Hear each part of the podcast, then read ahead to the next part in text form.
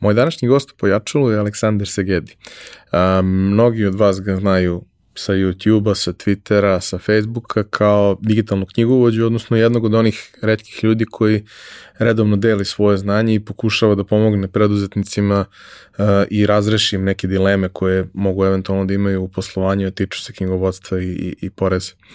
Uh, međutim, njegova životna priča je vrlo neobična i interesantna. On je uh, kroz krajnje nestandardno obrazovanje došao do toga da se na različite načine bavi IT-em, a onda je taj IT spojio sa knjigovodstvom i prethodnih deseta godina pokušava da uh, se bavi knjigovodstvom na način na koji bi možda trebalo da se bavimo njima u 21. veku. U svakom slučaju verujem da će vam ova epizoda biti interesantna i da ćete uživati. Realizaciju ove epizode podržala je kompanija Epson, koja je vodeći proizvođač projektora i štampača za sve namene, od kućne i kancelarijske upotrebe do profesionalnih uređaja koji se koriste od maloprodaje do industrijske proizvodnje. Već 20 godina u nizu proizvode najbolje projektore na svetu, a prvi štampač napravili su pre više od 50 godina. I dan danas svaki godin ulože preko pola milijarde dolara u istraživanje i razvoj novih proizvoda sa fokusom na održivo poslovanje i očuvanje životne sredine. Upravo zahvaljujući tome, njihovi inkjet uređaji najnovije generacije prave 94% manje zagađenja od konkurencije uz maksimalan kvalitet otiska. I vaš mobilni telefon koji sada nosite i na kome nas možda slušate i gledate, najverovatnije je napravio robot koji je stigao iz Epsonove fabrike. Roboti su super. Japanski roboti pogotovo.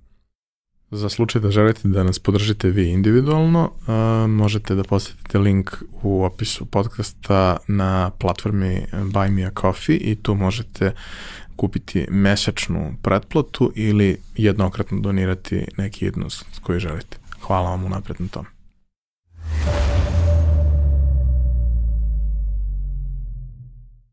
Aleksandere, dobrodošao. Ivane, bolje vas naš.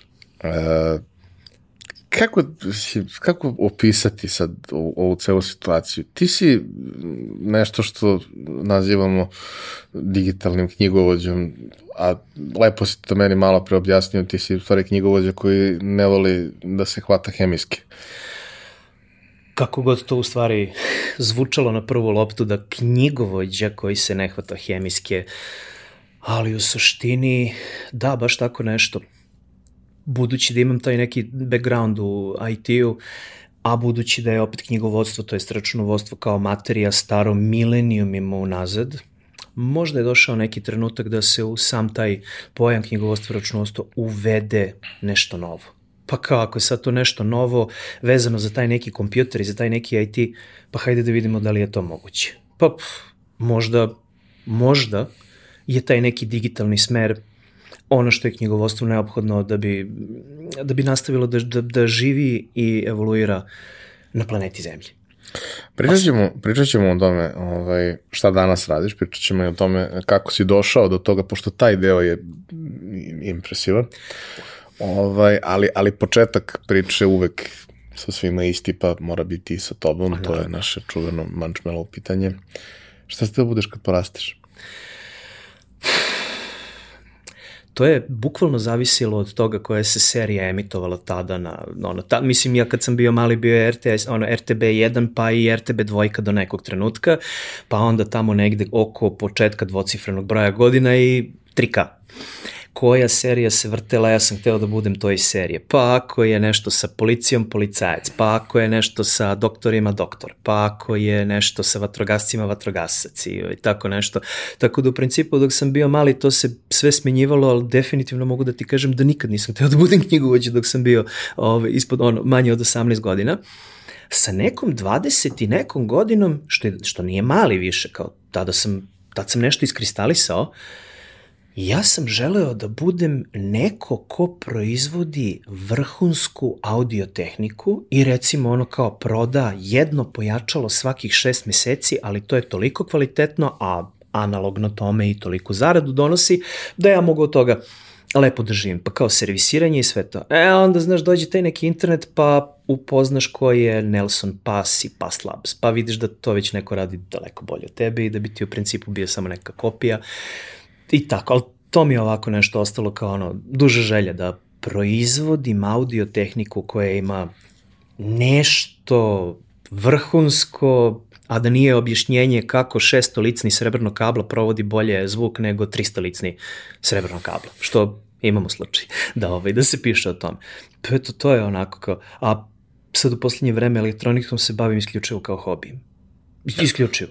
Dobro, na, hobiji su važni i mm. interesovanja koja nas ono, kroz život uh, povuku na neku stranu su uvek jako, jako važne. E sad, uh, svi mi imamo, pošto razgovori hronološki uvek, svi mi imamo taj period kad ne znamo ništa, pa vidimo policajca, pa hoćemo da budemo polica, posle poznamo policajca, pa uglavnom više nećemo i tako dalje. Ovaj, ali naletimo kroz taj neki period osnovnog srednjeg obrazovanja, nalećemo na neke zanimljive predmete, na neke zanimljive ljude, na neke zanimljive fenomene, na neke zanimljive stvari koje nas povuku na neku stranu, zainteresuju nas u nekoj oblasti.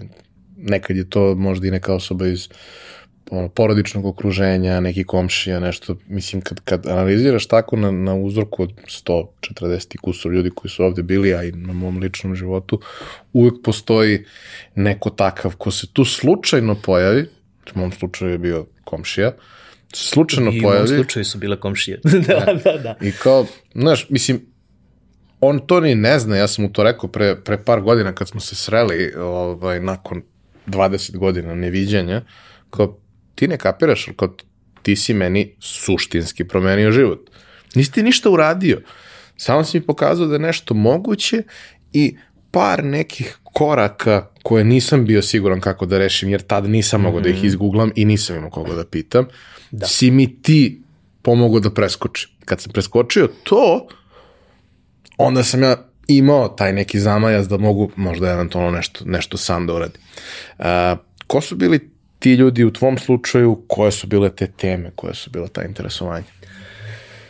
Pa, os, mislim, def, ovaj, pre svega, pa da, to su bili ljudi koji su na ovaj ili na onaj način bili komšije, ali ovaj, pre svega to su bili i, i, i očevi mojih uh, prijatelja, jer u principu moji su se razveli sa negde mojih devet godina i mi smo se, ja to ovako kad pričam sa društvom, pa ja kažem mi smo se razveli od oca, mi smo se lepo ocelili i ovaj, sve to i onda ono kao, znači imaš tih nekih, znači devet godina ili deset godina i treba, mislim ono, treba ti, ne treba ti, kako god, ali u mom slučaju je bilo treba ti taj neki muški uzor i mene su u stvari zainteresovali za, kako se zove, za, za, za, za krađu znanja, u stvari, očevi mojih prijatelja koji su se bavili najrazličitijim, pa ajde mogu da kažem, znači precizno zanatima. Uh, jedan je bio limar, jedan je bio automehaničar, jedan je bio autolakirer, jedan je bio prerađivanje, pre, ono, prerada drveta, obrada, ovako, ono, kao seckenje strugu i tako to. Ove, ovaj, dvojica, trojica su bili elektroničari i to, i to su baš najbukvalnije stvari koje mene i dan danas ovako interesuju kao neki hobi, ovaj, dakle, jer ovaj, došao sam do nekog zaključka da ono kao malo je stresno da tvoj hobi u stvari bude tvoj posao, to je on, on, on, onda u stvari nemaš hobi, mislim, to je onda baš bez veze. I ovaj, Ali da, to je bio baš neko taj neki period kada u stvari nisi ništa mogao da izguglaš i onda da bi preuzeo neku šemu nekog pojačala, mislim naravno, znači neku pojačalo za neki zvuk, za neke žorke, ti si uzimao lepo svesku njegovu i to, to, to su bili e, identično onako kako domaćice imaju naslagane recepte, pa je to sve nabijeno u neku svesku koja je sad tri puta veća, znači identično tako su ovi ljudi imali šeme za, ne znam, pojačalo sa, kako se zove, sa ovakvim tranzistorima izlazno stepeno, sa ovakvim, sa dvostrukim napajanjem, dvostrukim napajanjem i interna kola ti onda to prepišeš i ti to onda napraviš i neku prepisivanje je okrenuo polaritet elektrolitskog kondenzatora naopako i to bude kabum. I onda svi u seriji, oni koji su prepisali od tebe i to svima bude kabum, pa onda ovako češkate pa kao gledaj ovo greška, pa onda dve nedelje kasnije nailaziš na čoveka od koga si prepisao i kao, jao jeste, pa, znaš, ja sam pogrešio i to, stvari su stvari išle mnogo, mnogo, mnogo sporije. Ono, kao danas izgooglaš data sheet za, kako se zove, za nešto i jedan, i ono, jedan minut kasnije to je već izašlo iz štampača i ti praviš pločicu i sve to. I, ove, ali tad je onako ono bilo interesantno, pa moraš biciklom da ideš ono kao do tamo ili, mislim, pošto sam ja u principu odrastao u Zemunu do 17. godine, pa većinu stvari si mogao biciklom ili peške, pa, ovaj, on, pa ako je malo dalje, onda kao ajde autobusom dve stanice, pa ću onda, kako se pogotovo ako je uzbrdo, mislim, ta jedna jedina uzbrdica u Zemunu, i, ovaj, i, i, i onda ono, i onda, I onda tako isprepisuješ, pa kako se zove, pa onda ono, pa onda dođe burazer pa kaže ono kao, ej, imam ja neku iskrenu THS 11 lemilicu, čuvenu koja je obožavala da crkne na čudan način, pa onda nađeš da je taj neki otac od tvog prijatelja identično tako THS 11 sa crknutim senzorom napravio u stvari da ona ne radi tako što senzor šalje koja je temperatura, nego radi tako što impulsno pali i gasi trafo, pa što širi impuls, to veća zagrejanost i sve to. I onda on kaže, pa znaš što, ali nije ni ono prethodno bilo precizno, nije ni ovo nešto precizno, ali mogu da smanjim temperaturu i mogu da povećam. I, ovaj, I to onda recimo dovedete do današnjeg dana gde ja u kuhinji imam najobičniju sjelicu sa užarnim vlaknom, Wolframov, kako god da je nazovemo, starom od obična sjelica, i imam dvostruki prekidač. Jedan prekidač kad upališ, on pusti napon preko diode. I to je onda samo jedna poluperioda i sjelica onako žmirka mnogo, mislim, mnogo tiše svetli, nego kad je na drugi, kad pustim normalno ceo napon i sve to. I sad ja sam napravio neki užasno glup dimer, kad noći ulazim u kuhinju, to meni ne bljesne onako i ne osjećam se kao jelen pred farovima, znaš, i onda gledam u sebi kao, pazi, ovo ne možeš da izguglaš. Ovo je ono kao moraš da znaš kako funkcioniše dioda, koliki je pad napona gluposti, kako se zove sve to i onda ga primeniš, kažem ti, na jednom od najgljubih mesta i moja gospođa ne koristi taj taster, ona lepo uzme i uključi oba. Znaš, znači ovo je ono kao, ali ponekad je se, ono, i njoj se omakne kao, kao, znaš, ovo je mnogo svetla, pa kao upališ samo taj. I onda kažeš ono kao, znaš, taj neki period pre Google-a naučio te da danas, kao, ja mogu da stavim dimer i dimer nije ni skup, nije ni, nije ni to, ali ovo je nekako, znaš, ovo sam napravio ja. Ovo, ovo sam ja izmislio da na tamo neki pijačni ili kakav već prekidač iz prodavnice dupli, da ga ja vežem na način na koji, pa možda ga neko jeste vezao, ali ono kao, ovo je mojih rukodela, ovo je, ovo, je, ovo je moj patent, kako da u mojoj kuhinji bude manje osvetljenje. Ljudi obično stavljaju različno više sjeličnih grla, pa kao malu sjelicu, veliku sjelicu i to, ali ja sam ovo radio kroz istu žicu. Uštedeo sam bakar. Znači, znaš, kako, ono, kako god, ono kao, znaš, ponosiš se na jednu diodu od 3 dinara. Mislim, eto. I ovaj, ono, koji to je onako, znaš, i sad pazi, ako ti to neko plati, to onda bude kao, znaš, to više nije to više nije moja kreacija, to nije više moja ono kao... Ne, mo, da, znaš, i ono kao onda, znaš, kad nekog dođe ka, e, znaš, ta dioda mi ima pad napona 0.6, ja bi da staviš šotki 0.2, kako se za ti, ono, znaš, dođeš i kažeš, daj čoveče na 220, da li ti je bitno tih 0.4. E, ovaj, i ovo ovako, znači, hobi isključivo iz, iz, iz, iz, iz poriva da ti bude zanimljivo u životu je mnogo bolje nego, nego da naplaćuješ hobi. Zato u principu i radim posao gde ne volim da se vatam za hemijsku. A, postoji te jedan vrlo interesantan moment u, u tvom životu ovaj, koji se tiče početka tvoje srednje škole, Au. koji je, a, mislim, -hmm generalno živopisno je i zašto ne bismo to ispričali. Odnosno, Naravno. što ja tebe ne bi malo izblamirao, ali i ne blamiram te, da nije to ni tako loše bilo jer za tebe u celoj toj postavci. Ne možeš da koliko stvari bilo dobro. Ja bih preporučio to. Mislim, ono, znači svako ko je pred ulaskom u, ovaj, ko je muško i ko je pred ulaskom u, u, u srednju školu, ljudi izaberite žensku školu. Znači, to stvarno Čekaj, je... ali kako je počelo? Gde si ti krenuo?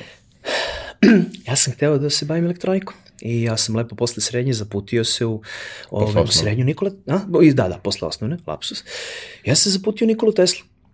I ajde kao, znači, ono, konkurisao i sve to, tada je bilo drugačije, pa si, ovaj, ono, pa si 20 i 20 bodova nosio sa, ovaj, kako se zove, sa testova, 20 nosio sa zaključnih, 40 nosi zaključnih ocena, 20 iz predmeta i tako to. U svakom slučaju, ja sam u Tesli bio od svih onih papira koji su iznad crte, ja sam bio na prvom papiru koji je ispod crte. Imao sam u principu loše ocene. Znači, ovo je ono kao iz osnovne koje su se tada gledali, mislim da se nešto gledaju i danas, tako, tako nešto. Ove, ovaj, u svakom slučaju, bilo je ono kao ovde nisi uspeo da upadneš, ali je bilo dozvoljeno po zakonu da ti te testove i taj postignut rezultat preneseš u drugu školu. E, onda je došao moj stariji pametni brat koji je ono kao šta će tebi Tesla, ti nećeš da učiš, ti nećeš, mislim i bio je u pravu. Ja, ako sam naučio šta ja dalje ima da sedim nad knjigom, mislim, ako mi treba to znanje otvorit ću knjigu. Mislim, ja sa svom nastavniku matematike u osnovnoj rekao kad je on meni ono kao ne, ne, imaš da vežbaš ono kao matematiku, ja sam rekao ja kad porastem ja ću imati kompjuter koji će da računa umesto mene i haha, nastavniče, bio sam u pravu. I sad meni brat kaže, idi ti lepo u moc tu u Zemunu, kao, idi u mašinsku, kao, znaš, ono, te, te, ono, to ti je. Ja sam otišao u mašinjak, sedeo je profesor, slagaću te šta je tačno predavao, da li te ono tipa mašinski materijali, ali i tako nešto, znači profesor iz ono jednih, jednog od tih predmeta koji su bili bitni i kaže on, pa evo kao sa ovim bodovima ne možeš u ovaj tehničar automatike i tako. To kao tu tu ne upadaš, tu bi falilo biti bodova, mora bi da radiš ponovno test sve to, ali možeš u mašinski tehničar. To ti je avioni, kamioni, space shuttle internet, uh, kompjutersko, kako se zove, kompjutersko iscrtavanje, znači ti sad je onako stao, rekao, u, znaš, ovo je NASA u malom. Realnost je da mašinski tehničar dobio ovako grumen gvožđa i nacrt od mašinskog inženjera gde kaže, e vidi, od ovoga ima mi napraviš šraf ili maticu ili tako nešto i ti onda otiš onako turpiju u ruke i turpijaš i onda znaš ja opet ono kao, e, ali kad porastem ja ću da imam mašinu koja će to da radi. Ja ću da imam strug ili glodalicu, glodalicu makar. To. Ja sam sedeo tu jedno dva meseca I bilo je, ovaj, bilo je tipa pet devojčica na tom smeru. Kako je prolazio prvi mesec, jedna po jedna su se prebacivale. Pa te jedna je otišla u Zemunsku gimnaziju, jedna je otišla ovde, jedna je otišla u turističku to ovo ono.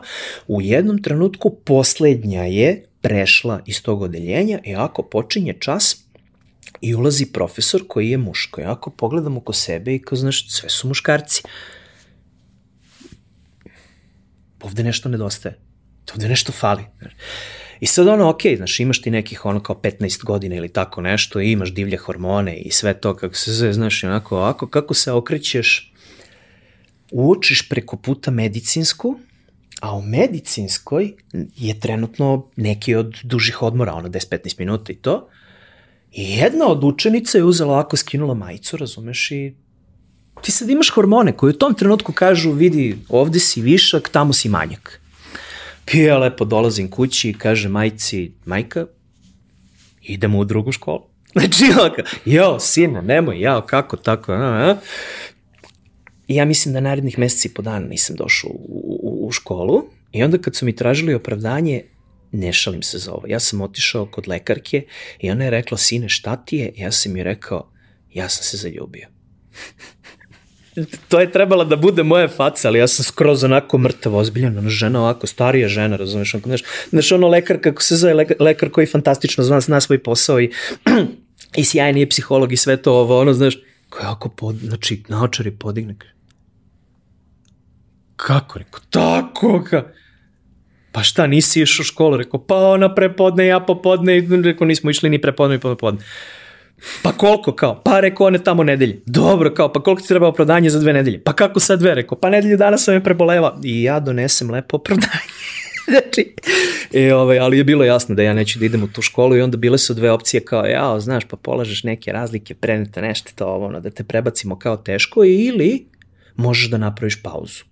I nigde u papirima ne piše, jednostavno piše da ti posle osnovne si napravio jednu godinu pauze, kao ove papire, znaš, sakriš, nije bilo interneta kao sad, nisu bili umrženi i tako.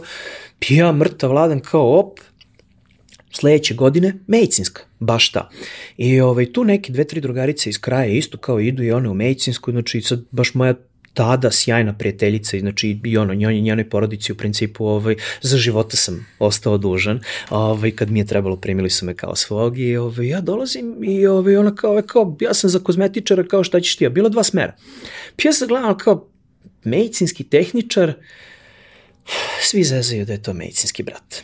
Ja rekao, meni baš bez veze da me zezuje medicinski brat, znaš, pa kozmetičar, pa ne zvuči to loše, to kao ajmo za kozmetičara, znaš, okej, okay, kao treba da dođeš jedno, dve nedelje pred, ovaj, pred 1. septembar da podigneš uniformu, uplatnica, ne znam, i sve to kao doneseš ja dolazim i sad sede on kao tri profesorke, kao aha, aha, koje si ti odeljenje, kao sa spiska kako se zove opštog smera, rekao nisam ja uopšte, ja sam kozmetičar. Inači sve tri ovako dižu glavu. A, ti si taj jedini. I ja ono knedla, molim, Ova druga kaže, ja zamisli ga, kaže, kad bude dobio ovako ljubičaste cvetiće na kragli. Molim, znači sad već ja počinjem da svetlim onako kao semafor kad ne smeš da prolaziš. Ništa, ništa daj mu evo, uzmi nalog to ovo ono, uniforme nisu stigle kao mi sad samo prikupljam uplatnice ovo ono, ja izlazim napolje i jedu me od blama do, do, do, do, do kvadratnog blama, znači sve me, znaš, jede.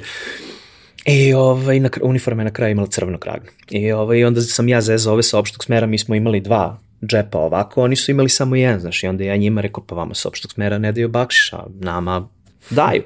ovaj, jedino muško na smeru, Znači, prva, druga, treća, četvrta godina imala je jednu, jednog muškarca, mene. Oba odeljenja kozmetičara imala su jednog muškarca, mene ponekad sam po potrebi onako prelazio iz učionica u učionicu i ono kao rekao, samo sam došao ovde malo da budem i to kao, znaš, bit ću miran. Uh, nenormalno mnogo stvari ti progledaju kroz prste kad si jedini.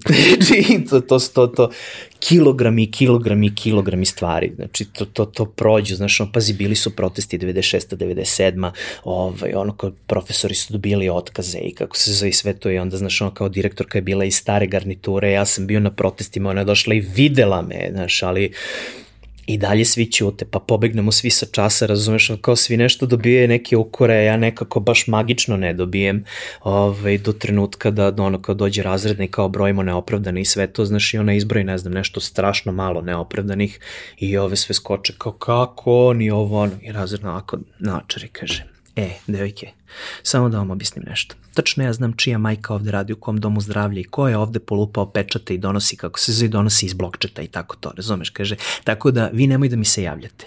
Što se njega tiče, Ja sam išla, kaže, kod, u Zemunsku gore, to je ono kod Šilereva, onaj dom zdravlja. Ja sam išla tamo, kaže, da pogledam u karton, njemu je sve zavedeno. Njegova opravdanja su originala. To šta on priča lekarkama, doktorkama i to, to mene ne interesuje, on je dono original opravdanje, znaš. I sad pazi, opet to je, znači, pre interneta, pre štampača, pre svega, znaš, kao danas, danas je možda lakše, možda teže, nema pojma kako je danas, onako za decu za opravdanja, ali ovo je onako prolazilo se, a onda u principu Onda dođe druga godina, a na drugoj godini imate estetsku negu. Estetska nega je tako što se svi presvučete u uniforme, a imate samo jednu slačionicu. Jedno 15 minuta je trajala borba ko će prvi da se preslači, pa je jedna moja sjajna drugarica koja mi je, fun fact, danas mušterija ima svoj kozmetički salon, znači koja je došla ovako i rekla, kaže, e, Znaš šta, ako se do sad nije nagledao, neće ni sad, ulazi unutra. Jako, paf, kako se zove, baci me. I ovaj, pija lepo. Znaš, mislim, na kraju krajeva, znaš, ono kao kad ovaj, nisi gladan u izobilju. Nekako, znaš, najpreciznije to da kažem. A onda, a onda znači, to što, to što je ženski kolektiv, onda to povlači za sobom milion stvari. Uh, ja danas, recimo, ono kao pogledam, znaš, ono kao kako ljudi imaju neki odnos prema ženama, pa onako, znaš, pa se setim da postoje one knjige, muškarci su sa Marsa, žene su sa Venere, znaš, i ono kao shvatim, svi ovde ovi ljudi imaju baš nekako viziju da je to, to nešto to toliko udaljeno i sve to. S druge strane, ja kad sam bio u društvu, meni je bilo, ovaj, i da, meni je nadimak Tesla zato što sam rođen na dan Nikole Tesle, na dan rođenja Nikole Tesle i onda ono kao celo društvo kao, e, Tesla, Tesla, kao, idi kao, znaš, starti one tri ribe, znaš, ja mrtvo lano, kao dođe, e, kao, ćao, znaš, ti se sviđaš onom mom drugaru, ti se sviđaš onom mom drugaru, u principu ti se sviđaš i meni i ovom ovde, pa mi bi svi da se upoznamo, znaš, kao, jel okej, okay? i ovo i sve to, tako da ono kao, i sad kažu mi ljudi ovako, ono kao da moje to neko probijanje leda je fazon ja zakoračim, znaš, i probio sam led. I znaš da ono kao zdravo, i možemo mi da pričamo kao, kao ljudi, kao homo sapiens i to, znaš, dalje ćemo da gledamo kao šta, znaš, ko šta kako, E to je recimo nešto naučiš sa ovaj, kao ono kad, je, kad si sa mnogo žena. A onda recimo druga stvar je dođe ti cela garnitura tvojih svih ortaka za svaku žurku, za svačiji rođena, svačiju novu godinu i sve to. Pa za rukav. E, Tesla, Tesla, Tesla ajde dovedi neke drugarice, znaš, ti onda kreneš sa uslovima, kažeš, e, znaš, ti si se prošli put loše ponašao, a, znaš, ti si prošli put ispod to si, ovo si, ono si, ti si, znaš, ti si razbio flaše, znaš, ajde malo bre, Uljudite ne, Pa to, znaš, nemojte da mi, kako se zove, da mi rušite, znaš, taj neki to neko ime, ma nemam pojma, znači nemoj mi rušite kredibilitet. I ovaj to. Ja sam izašao, izašao iz te medicinske, u principu radio sam u tri salona, e, ovaj, ti, e, jedna u Čačku, radio sam u salonu u Čačku. znači, ono, ja zemunac radio sam u salonu u Čačku, ali u nekom trenutku postaće jasno zato što sam ovaj, servis za Sony Playstation kao elektroničar držao u Kraljevo, u Šampiti. Ovaj, ali navedete put, znaš, budeš arena. I, ovaj, I ona mi je objasnila ono kao, znaš, kao muško u principu, ti treba tu da bre sediš i kao kovaš kafe, da se smeškaš i tako to. I u principu ovaj, ono kao, znaš, jednostavno ima žena, ali u smislu ono kao ima ljudi, znači isto tako ono kao i muškarci koji jednostavno vole da neko kad stisne, da kako se zove, da to pršljenovi da se razdvaje i kao baš im odgovara jača masaža i tako to. I kaže u principu to je to, znaš, ti tu upadaš. I ovaj, ja sam probao da radim u neka tri salona i jednostavno vidio sam ono kao to nije za mene, onako ovaj, previše se tu kafeniše i priča nekako, znaš, ono kao premalo rada. I onda onako sediš i znaš, i ono vidiš da kao gazdarici je blam da kaže, e, aj kao, znaš, ti da radiš kao neki masaže i to ono, i onda shvatiš ono kao, znaš, ja sam ovde dva meseca presedeo, uradio sam ništa. E, ovaj, dve nedelje tačno kako sam izašao iz uh, srednje, moj brat, opet stariji brat, imao je Sony PlayStation keca i koji je onako teže učitavao igrice. I kao, ono, ajde, ti se družiš sa tim tvojima, opet ti očevi, komši i sve to, pita je li neko to servisira. I ti sad kreneš da zoveš jednog po jednog, a svi kažu kao, pa da, znaš, ali to je ono, ne, ne znam da ima se kupe delovi i tako specifično i sve to. E, meni bude razred, e, aj kao, aj pusti. E, on okrene nekog svog ortaka, neki taj ortak, da mu broj telefona, zovi ovoga i zakaži popravku. Ja sam otišao kod tog čoveka sa Sony Playstationom da ga popravim, sedeo sa njego, njegovim sekretarom i pričao, a on je radio u drugoj prostoriji, znači popravljao. E sad pazi, sa ove distance je malo čudno što je 4,5 sata trajala popravka, to ono, znaš, popravka, ono, popravka toga obično traje 45 minuta. Taj čovek što je držao servis izašao je napolje i rekao, sine, jel bi se ti zaposlio ovde da radiš? kolega koji upravo je ono kao sekretar i sve to, kaže dao je otkaz, on ostaje ovde još nedelju dana i to, vidim da znaš, vidim da umeš. Ja sam narednih nekoliko godina popravljao Sony PlayStation 1. Prvo sam, kako se, pa sam naučio ovaj, kečeve, pa izašla dvojka, pa sam ugrađivao čipove od dvojku, pa sam kupio DVD rezač u ovaj, je li 17 godina dovoljno da te carina ja, ne juri? Ja, ono, e, pa prošvercovao sam DVD rezač iz Mađarske u, ovaj, u Srbiju, ovaj, Pionir A04, doneo sam ga, rezali smo na njemu, mislim, pazi, rezanje diska traje 27 minuta. Očitavanje diska traje 17. I, ovaj, I onako kao ti iskopiraš, znači ono, ugrobo možeš jedan disk na sat. I ovaj, ono, kao mi smo uspevali narežemo jedno 18 po danu. E, ovo je ono kao bila lepa zarada i onda kao, aha, znaš, a, neće ti očita, kao, pa ok, znaš, to je za servisiranje i tako. Onda me put navede u Kraljevo. Sećaš one pričonice 041 2233 ili te... E, ja ono kao vrtim, ali sa telefona iz firme. ovaj, I okrenem i dobijem, kako se zove, dobijem i, znači, mrtva, ladna devojka kaže, e, ajde da ne trošimo ovo kao ti moj broj telefona, zove me ovde ti ja okrenem, e, ćao, ja sam iz Kraljeva, ovo ono, dakle si ti rekao, ja, znaš, iz Beograda i to, ono, a, pa rekao, aj se upoznam, aj se upoznam. Pa ja sam tipa za taj vikend imao ovako 20 maraka u džepu. Ja sam bio u fazonu da što ću ovih 20 maraka lepo da potrošim, znaš, u ponedlju ću nađem neki nov posao. Odo ja tamo. Ja upoznam tu devojku, znači na kako se zove na Kraljevačkoj autobuskoj stanici koja danas već izgleda kao ruina, ali tada je bila mnogo bolje. Ja odem tamo, u principu niko tu ništa bio, nije bio zainteresan za, ono, za, kao, za nešto dalje, kako se zove, prespavam, ustanem sujutru, ujutru i ona kao, e, da te upoznam, ovaj, ja radim u Sony PlayStation klubu kao kod jednog, ovaj, kod jednog lika, pa kao, eto, znaš, da vidiš da radim i sve to. Pa ja upoznam njega i on kao, e, kao, ovo, ono, čime se baviš, ako pa, rekao, popravljam Sony PlayStation, sad pazi, ja kao beograđanin, u Beogradu gde imaš 70 servisa, gde ono kao, znaš, svaki tržni centar ima po trojicu ali vidiš u Kraljevu nema tipa ni jedan. I ovaj, on meni ono, pa kao, ili znaš što da radiš? Rekao, pa znam, znaš, i ovaj, kako se zove to, pa imam tu neke, pa jel bih hteo, platit ću ti sve to, rekao, maj, nema problema i ovaj, da on meni tu 12 Sony PlayStation od kojih ja popravim svih 12. I ovaj, ali prvi ovako kako sam skidao kapicu sa onog keca, ja ovako nagnem, ona kapica pukne ovako. Brate, mili, nemam para da mu platim, znaš I sad stoji ono, stojim ja, stoji on, a ona mrtva tišina.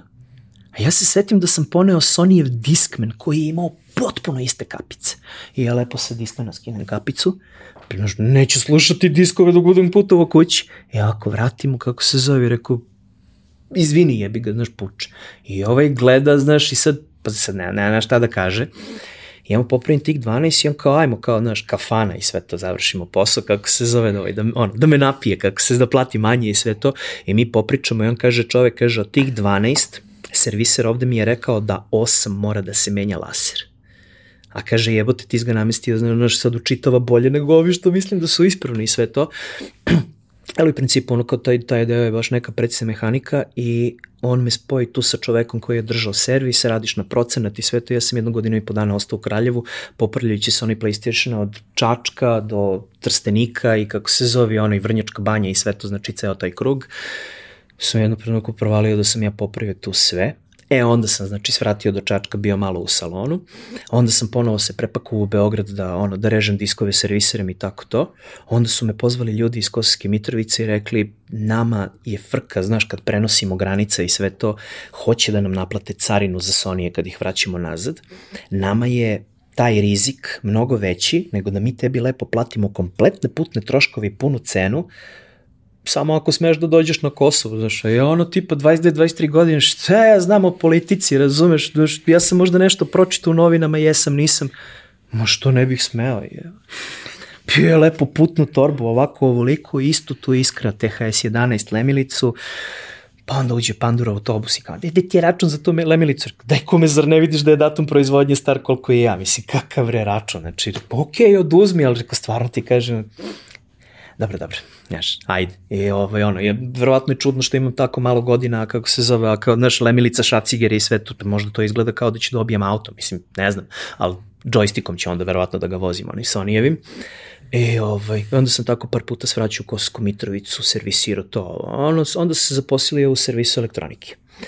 Pa ovaj, i to je servis elektronike koji je pri Sky Musicu. Pa sam jedno dve godine popravljao sve što možeš da vidiš na jednom koncertu.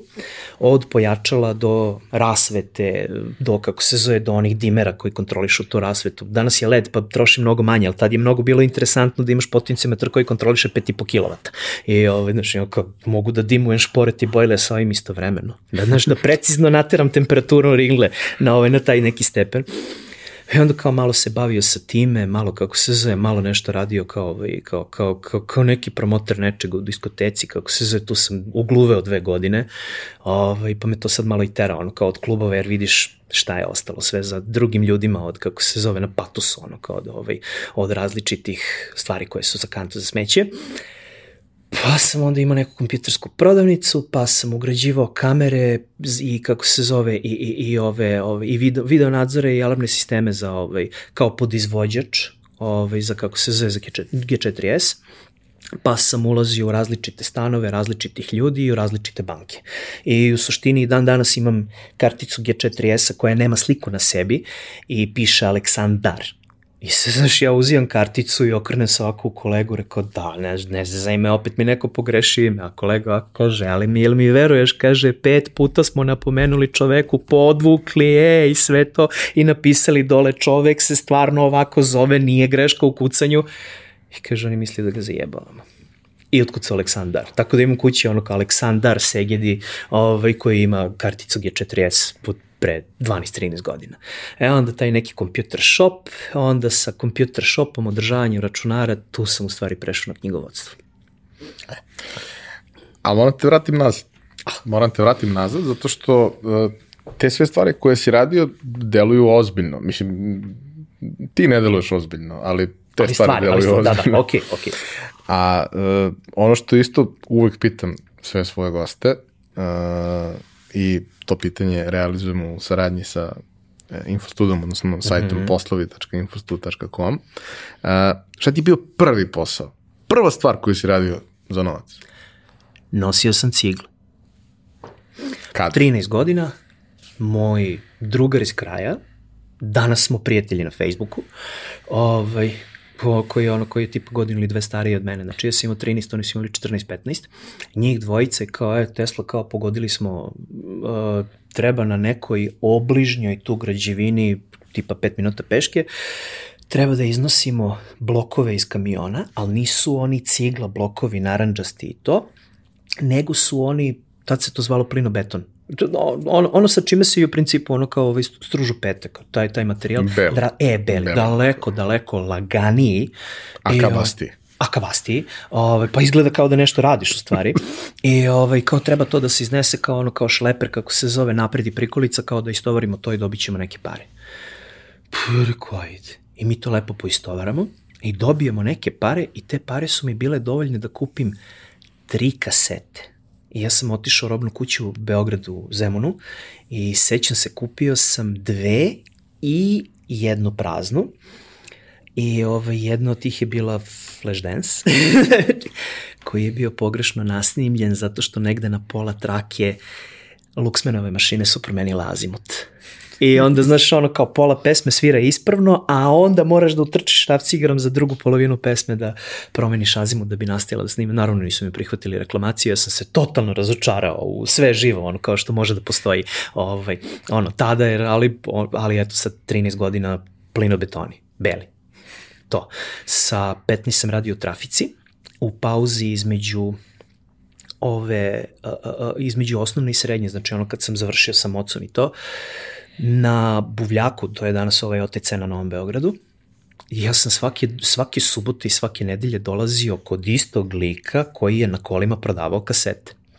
I onako kao, znaš, ja blame i slušam muziku u principu, kako se zove tu kao lepo ćaskamo.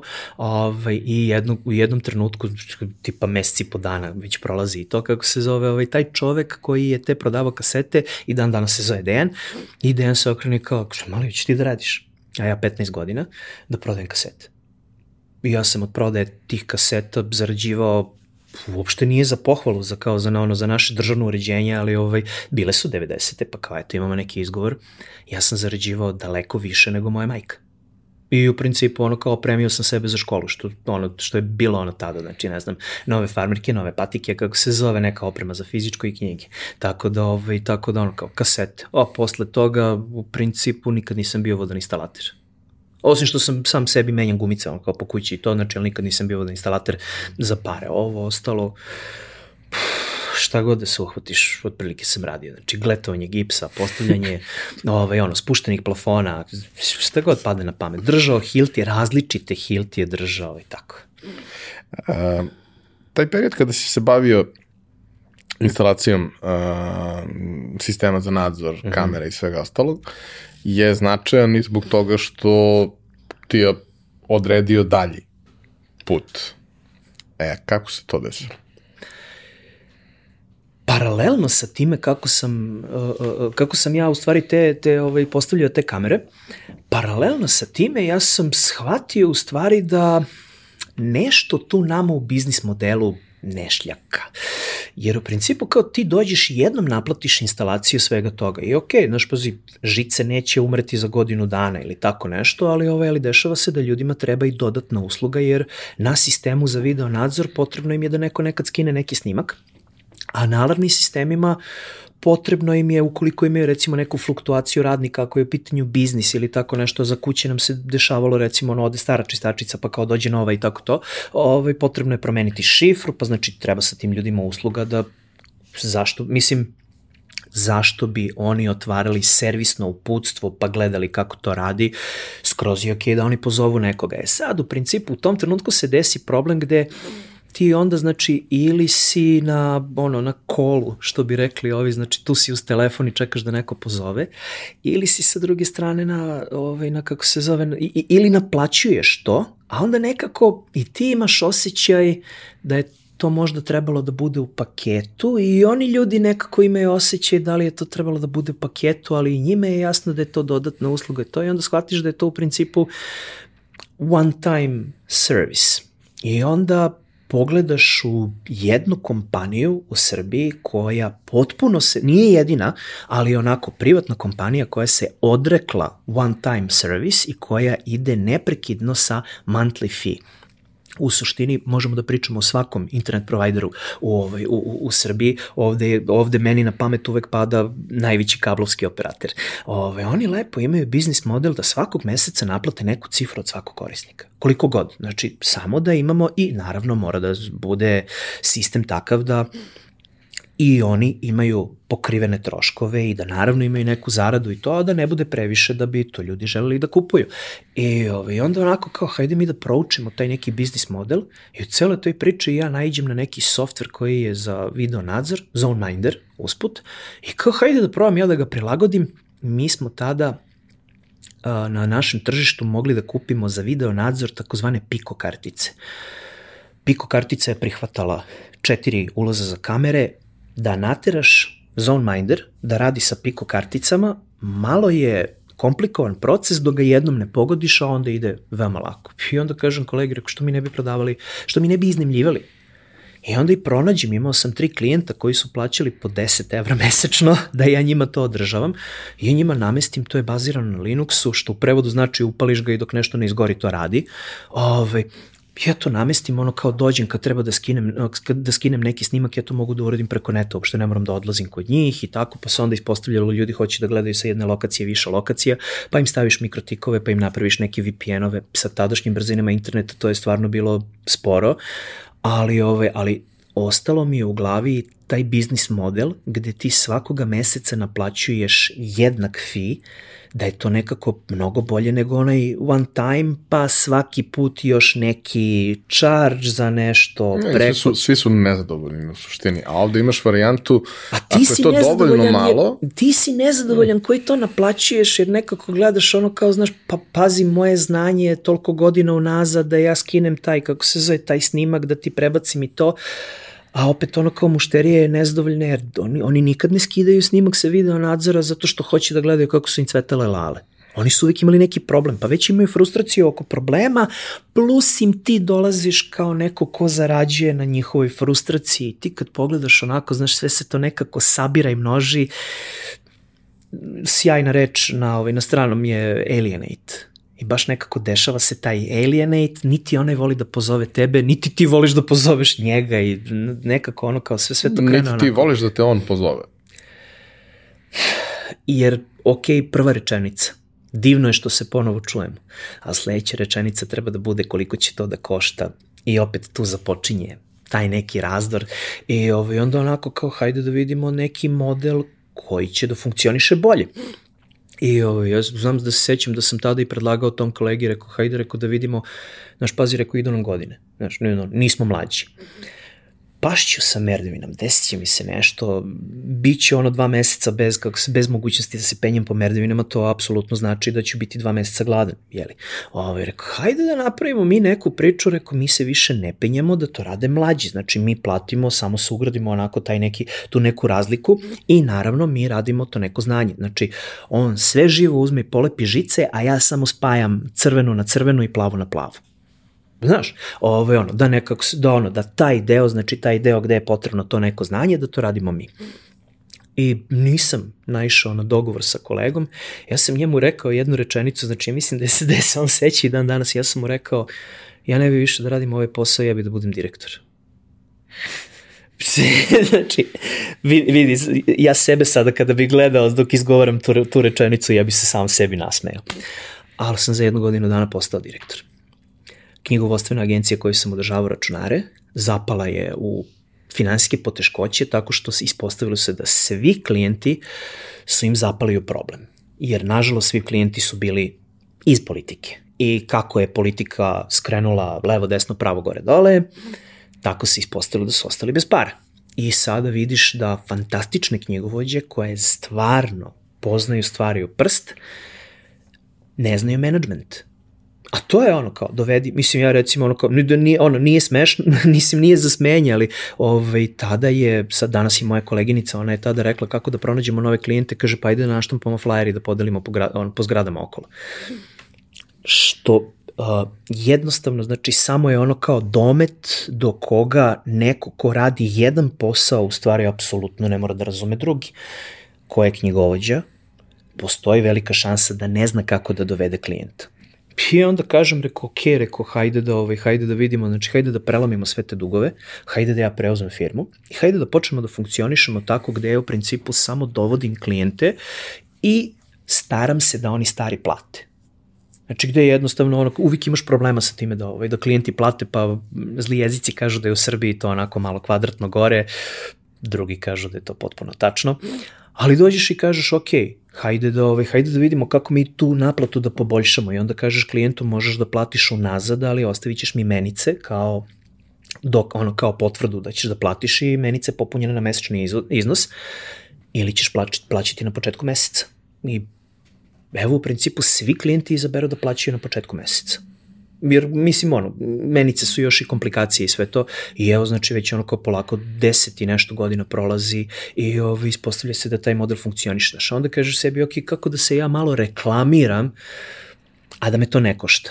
I ja imam kolege koji plaćaju, i poznajemo se, koji plaćaju reklamu na Google, da kad neko iz Google da bi oni bili prvi, i to bre onako košta, znaš, a nisi siguran, znači, da će to, da će to doći, jer nekako ispostavilo mi se i to kroz ovaj, kroz posao, klijent koji googla knjigovođu, on u principu pokušava da zbriše od nekog knjigovođe i sad da ne budem zao pa da kažem ne valja klijenta, ali moguće i da ga je prethodni knjigovođa upropastio. I sad, znači, on kad dođe kod mene, ja treba popravljam prethodne probleme plus ove probleme i sve to i onda kao googlanje baš i nije to to. A onda pogledam kao, šta je to što radi Google?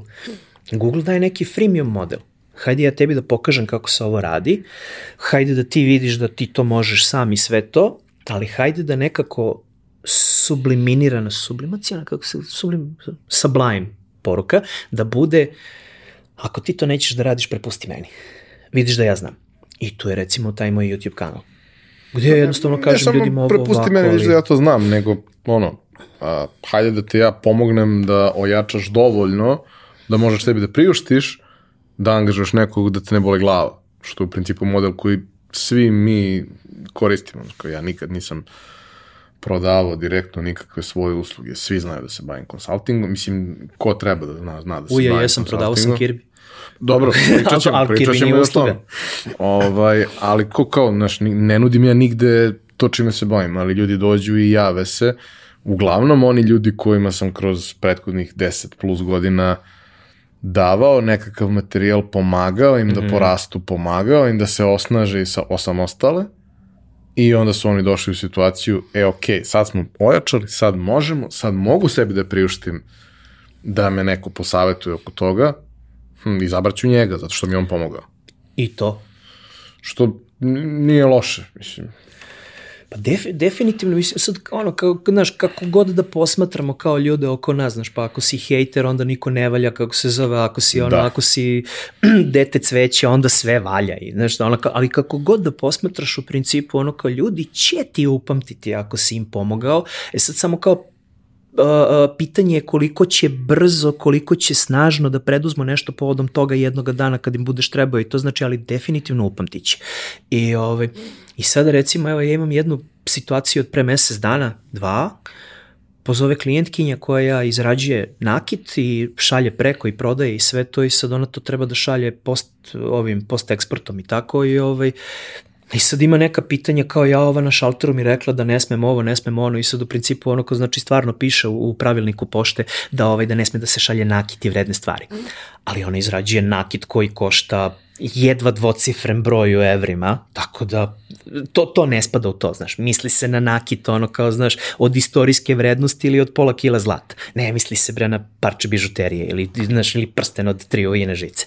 E, ovaj, I sad ja dođem i kažem, rekao je sačekaj, rekao imam jednog klijenta koji baš sarađuje sa njima. I to, rekao da vidim znači, da, li on, da li on poznaje nekoga u pošti, ovaj, koji je baš na tom mestu ko može u principu da te posavetuje i da odeš tamo i sve to okrenem klijenta, rekao treba mi, rekao to, to, to, to, to, ovaj kaže da, da nema problema, evo žena koja je nama sve pomogla. I to, nek pozove nju, pa nek se objasni sa njom šta kako za papirologiju i sve to, ja ovo i uzvratim i u principu sad kao šta je tu da tačno naplatim ili tako nešto, kao znaš, pozvao sam dva telefona, meni u stvari mnogo interesantnije da ona klijentkinja toliko naraste, pa jednoga dana, eto recimo, nije ona više paušalac, kaže sad moram u knjigi, znaš, prešla sam onih čuvenih 6 miliona, ja kažem, ok, sad samo, znaš, plaći se više kad si na knjigama, ali to je to, imam klijenta koji je narastao do tačke da počinje da plaća više i da mu to uopšte nije problem.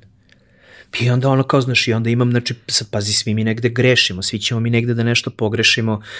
Naša obič, obično omiljena greška je kada otkucamo, i to je u mnogo, na mnogo mesta državne institucije, kada otkucaš tačku na mesto gde je trebao da ide zarez. Većina programa u ovoj državi to shvati kao da si otkucao u stvari 100.000. 100 I onda ja kad otkucam 120, 123 dinara, tačka 53 pare, to je 123.530.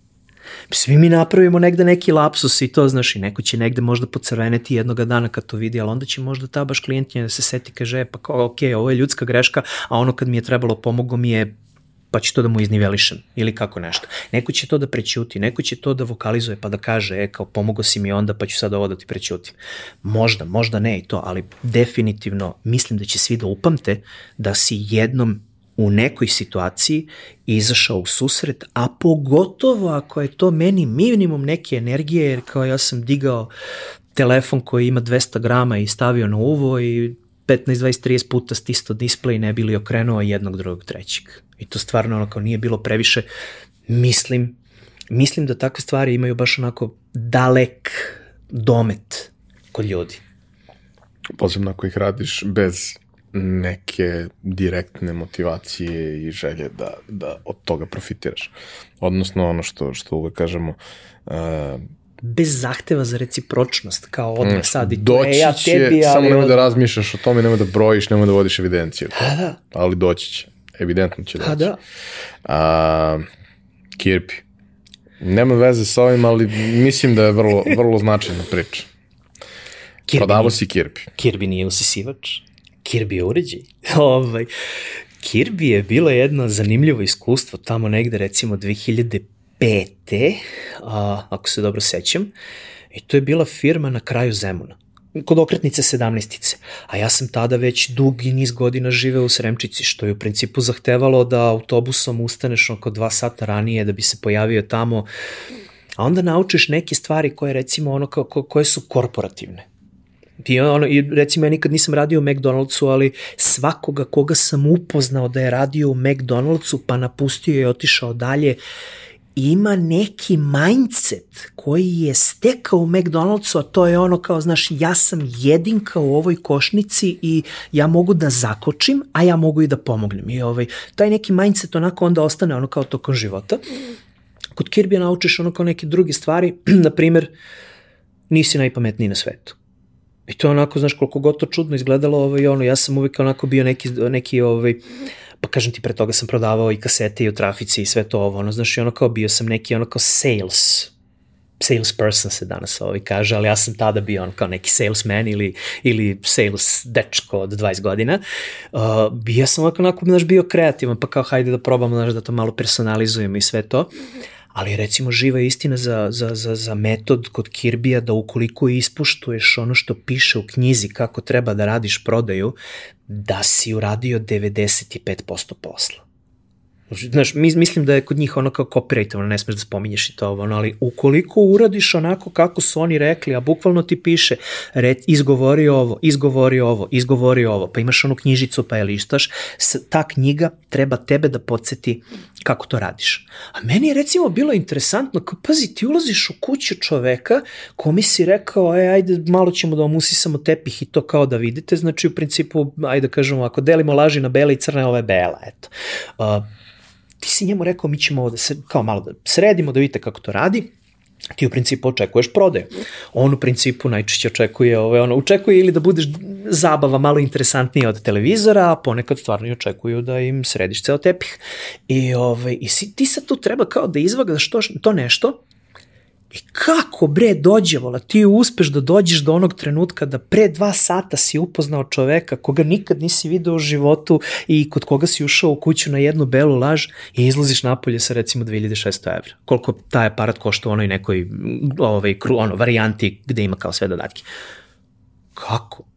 Kako? Znaš, pazi, ja sam ulazio tako što kao, dobar dan, ja sam serviser za Sony PlayStation, pa vi ste mene zvali dobar dan, vi ste prišli trafici gde ja radim, nisam ja prišao vama i to znaš ono kao, i vi ste poželeli da kupite sad ono kao naš cigare, čokoladicu, nešto. Pa uvek je bilo, kako bre ovo funkcioniše? E onda shvatiš recimo tu poentu, nisi najpametniji, tim kvalitetnih psihologa, psihijatra, psiho šta god, znači sociologa, ovoga, onoga, svega, kako se je pisao tu knjižicu, svaki zarez je tu tačno na mesto gde treba da bude prilagođeno ovako ovo ono. Ti jedan nisi pametniji od njih sto. Pa nema šanse. A pogotovo pitanje je da li je njih 100, možda je njih 1000, možda si pametniji od 100, ali nisi definitivno pametniji od 250, a njih je 1250. I to je taj neki trenutak kao ti treba da naučiš u stvari da poštovanjem tog nekog pravila koje su svi neki ti prethodni poštovali, u stvari ćeš doći na neko mesto. E sad, tu recimo definitivno postoji ona tvoja priča kad smo pričali o Toni Kukuču, znači ono kao, znaš, svi možete da, svi morate da radite ovo, ali ti Toni možeš malo i ovaj, da se poigraš, a ja za, o košarci ja nemam pojma, ali recimo znam za ime Toni Kukuč, što dokazuje koliko je to ime veliko. Moraš da poštoješ pravilo, dokle, dokle, ono, dokle god nisi bar približio se slovo T ajde da kažemo, ne moraš da budeš ono kao baš Toni Kukoč, da bi kako se zove, da bi se ono kao malo poigrao sa pravilima, pravilima, ali pravila moraš da poštuješ do trenutka dok ne najđeš na slovo T. Da si bar tu negde blizu tog slova T, da neko, e onda si I onda opet ona ta Dunning-Krigerova kriva to kaže da, da je ovaj da je tačno. Ti si tu negde shvatio si prednosti i mane i to, pa tek sada možeš u stvari da, da, da pojmiš celu problematiku pa da kažeš sada bih ja pokušao malo da popravim nešto pa da kako se zove da mrdnem i sve to. Recimo u Kirbiju je to moment kad prodaš 12 uređaja. Na primjer. I ovo je ono kao, na nekim drugim mestima u životu to ponekad je broj meseci, ponekad je broj, ono, ponekad je količina para, živimo u kapitalizmu, pa definitivno, znači ono kao broj para jeste pokazatelj nečega, uh, barem koliko si, uh, barem je pokazatelj koliko drugi ljudi misle da si dobro u svom poslu. Ne koliko jesi dobar, nego koliko drugi ljudi misle da si poslu. Što jeste važno. Što jeste važno, jer, ovaj, jer, on, jer, jer od, od, od tih para ti ćeš da plaćaš one ljude koji rade za tebe, sa tobom, pored tebe. Što ove, ono, svi oni imaju porodice i tako, ono, kao ciklično i sve to. Uh, Ali onda recimo dođeš do, dođeš do toga da, ovaj, da, da kažeš ok, ok, ali nakon ovoliko rukovanja sa ovoliko ljudi, nakon ovoliko poznavanja, nakon ovoliko izrečenih rečenica teksta, nakon ovoliko nečega, znači za kuvare je to verovatno posle ovoliko iseckanih glavica crnog luka, Znaš, tek sada mogu da kažem, e, ali hajde da probamo ovo pravilo malo, da savijemo, ok, sve se to radi kao, ono, sve, sve to postoji milenijumu nazad, dva milenijuma nazad i to, ali hajde da probam. Možda je stiglo vreme da se nešto malo ubrza. Ne, da probaš malo po osjećaju da odigraš nešto. I možda budeš u pravu. E, pazi, možda budeš i u krivu. Znaš kako ja gledam to? Uh, većina tih priručnika koje, koje veliki sistemi koji uspešno posluju decenijama unazad daju, su ti takvi da se bave statistikom. Znači, Tako oni će, uh, ako budeš to poštovao, statistički ćeš dobro proći. To ne znači da ćeš u svakom pojedinačnom slučaju dobro proći. Tako je.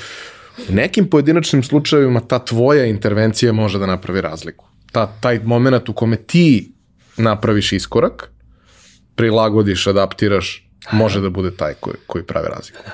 Ali to nije pravljeno za tebe koji dođeš do toga da imaš sposobnost da to proceniš. To je pravljeno za onog ko tek ulazi, da mu da alat sa kojim će da radi. Tako je. Može da menja nešto tek kada ovlada svim ovim. Tako je. Jesi gledao seriju The Office? Naravno. Svi smo gledali. Znači, dođe Michael, zaposli se u kompaniji koja mu ne odgovara i njegov šef dođe i kaže mu tri rečenice. Make the call, say the lines, make the sale. Zato što početnicima mora da funkcioniše tako. A onda se vratiš recimo ono kao dva serijala unazad ili kako je već ono, zaboravio sam kako, ono, kako, kako idu sve epizode, vratiš se unazad, isti taj Michael koji nije uspevao da make the call, say the lines, jer nikad nije uspevao da, da se ne zadrži da promeni lines i sve to, on sedi sa čovekom koji je, pa sad ono u prevodu sa engleskom, on je otprilike ono kao čovek koji radi nabavke za celu opštinu i sad oni tu sede i jedu rebarca ne znam koliko god, ono već sati i ova njegova šefica koja je već koluta očima kao daj ništa nisi uradio, a Michael samo čeka trenutak da se ovaj malo ne opusti, ne spusti gardi to, nego malo više da postane ljudsko biće I ovaj ga sačeka tačno tu onako kao pravi salesperson, ono što bi rekli, ono što bi rekli negativci, to je ono, znaš, kad mačka uhvati pa se igra sa mišem pa ga pušta ka, samo da ga umori. Znaš, ovaj ga je pustio i sve to i ovaj kaže, jao, brao, znaš, ne možemo sa tim cenama. Ovaj kaže, da, vidi, ali mi smo lokalna ekonomija. Znaš, ovi veliki će to i kad nas oteraju, dižu cene, bit će haos i to ti si taj neki deo države, moraš malo da planiraš i kako se taj neki socijalni faktor na kraju dođe do rečenice, ok, ono kao, mora se nađemo na pola cene. I, i, i, znači, ok, taj neki sales person, Michael, koji nikako nije uspevao da say the, say the lines i make the sale, kada je u pitanju zarada od dolar, uspeo je ono što njegova šefica nije uspela kada je u pitanju zarada od milion dolara. Znači ono kao, znaš sad, ovaj sad ono kao, da li, ovaj, to je upravo dokaz da, kako se zove, da ta knjiga je za početnike. Pravila su za početnike kako bi što brže ono kao streamlinovali sve, počeli da zarađuju, pa ušli u sistem i sve to. Ok, čim malo ovladaš materiju, možeš polako, onako kao nešto, ovaj, da vidiš ovako malo drugačije, da vidiš i to znači, ali na samom početku definitivno moraš da poštuješ ono što baš piše u knjizi. Jer... Što, kažu, što kaže struka. Struka. Definitivno. A, to je nešto čime si se bavio relativno kratko, ali što ti je prilično značilo. Ovaj, takva iskustva su transformativne. Jesu. I onda te stvari u principu u najrazličitijim situacijama u životu možeš da primeniš. E sad, kad si se ti dogovorio sa finim ženama da preuzmeš agenciju i da razvijaš agenciju i sve to, ovaj, kako je to izgledalo? Jer upravo ponovo dolaziš u situaciju, nije to baš usluga koja treba svakome, nije to baš nešto što se često menja, to je jedna od onih stvari koju u principu, ako si zadovoljan, ne želiš nikad da menjaš, jer je to naporno. Da. Imaš neki stalni priliv novih firmi, što jeste lepo i što, da kažemo, jeste nešto što se ubrzavalo u prethodnih 15 godina, da, da stalno ima novi biznis, mm -hmm. ali isto tako imaš i stalno odumiranje starih. Definitivno. Tako da imaš te neke životne cikluse koji su ti, ono, nisu baš nije baš jednostavno za održavanje i za razvoj. Nije ni najkomplikovanije na svetu, ali ima svoj izazov. Uh, ti si tu priču ušao pre deseta godina. Tako. Kako izgleda početak? Kaktusično kaktusi na sve strane, sve živo bocka, kako se zove, ne može da se hoda, ove, prepreke, pre svega prepreke, za početak prepreke su kod tebe, jer uh, ti ne znaš taj posao. Znači, znaš, pa onda pokušaš da sagledaš iz neko, neke perspektive klijenta. Pa je tu recimo stravično pomoglo to što sam ja u stvari bio ta ono što bi se zvalo baš entrepreneur na engleskom, kao ja sam neprekidno pokušavao da započnem nešto, pa kao, znaš, pa radio sam u servisu, pa otvorio svoj servis, pa sam prodavao kompjutere, pa sam ovo, pa sam ono. I ovaj, ti upravo, ono, š, i uvijek, uvijek ti, onako, sad ja imam to iskustvo sa kojim mogu da pogledam iz perspektive tog nekog koji je u stvari uh, kupac moje usluge. I onda kao, šta njemu treba? Pa znači, pre svega treba mu da mu ja budem kafetin ne treba da ga boli glava oko toga. Znači, a onda recimo treba da mu bude mi kako se treba da mu bude mi ona ona čuvena rečenica ovaj vezana za Linux, staviš ga ispod stepeništa i zaboraviš da postoji. Jer to radi. Treba da budeš i to. Treba da budeš, on zaboravlja da ti postojiš, ti radiš svoj posao i sve funkcioniše kako treba. Ovaj.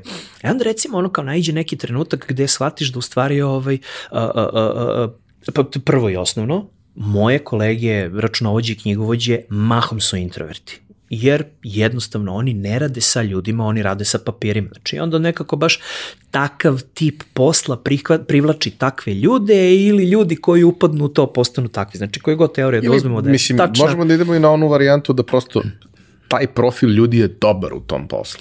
I to. I Znaš, to. nije za svakoga gledanje brojeva. Neko bi odlepio od dosade i od svega što mora da kontroliše ono da prekucava, da poredi neke stvari koje su užasno dosadne. E onda Ima ljudi kojima to ne smeta. Da, ovaj, onda recimo ono kao, mislim sad pazi, onda, onda pronađeš neke interesantne stvari, pa sad kao znaš ono kao, kako, može, kako može matematika da bude interesantna, ali svaki matematičar će te pogleda oko ispod oka i da kaže, sine, znači, može bude interesantno i takako. Ovaj, Pa onda, ajde, pogledaš, znači, on kažem, ono, pre svega pogledaš šta je to što klijentu nedostaje. Klijentu nedostaje, recimo, da mu se malo objasni kako to funkcioniše. Uh, mnogo ljudi misle da je računovodstvo baš onako nekako veoma blizu prava i pravnog sistema i ima dodirnih tačaka, ali recimo ima i nekih fantastičnih razlika gde sad ja sam to počeo na nekom srpskom ovako da objašnjam klijentu pa kažem ono kao u pravnom sistemu ti si po defaultu nevin, a neko mora da dokaže da si kriv. Ali u poreskom sistemu ti si po defaultu kriv, to je dužan pun porez, a tvoj knjigovođa mora da objasni tvoju nevinost, to jest zašto su ti porezi umanjeni u skladu sa zakonom, pa tek onda da te odbrani, ali u, po defaultu si kriv, moraš da se braniš, a ne kao pravnom sistemu po defaultu si nevin, pa oni moraju da dokazuju to. E onda kad to tako objasniš ljudima, onda oni kažu pa ok, znaš, sad je sad je to već i malo logično.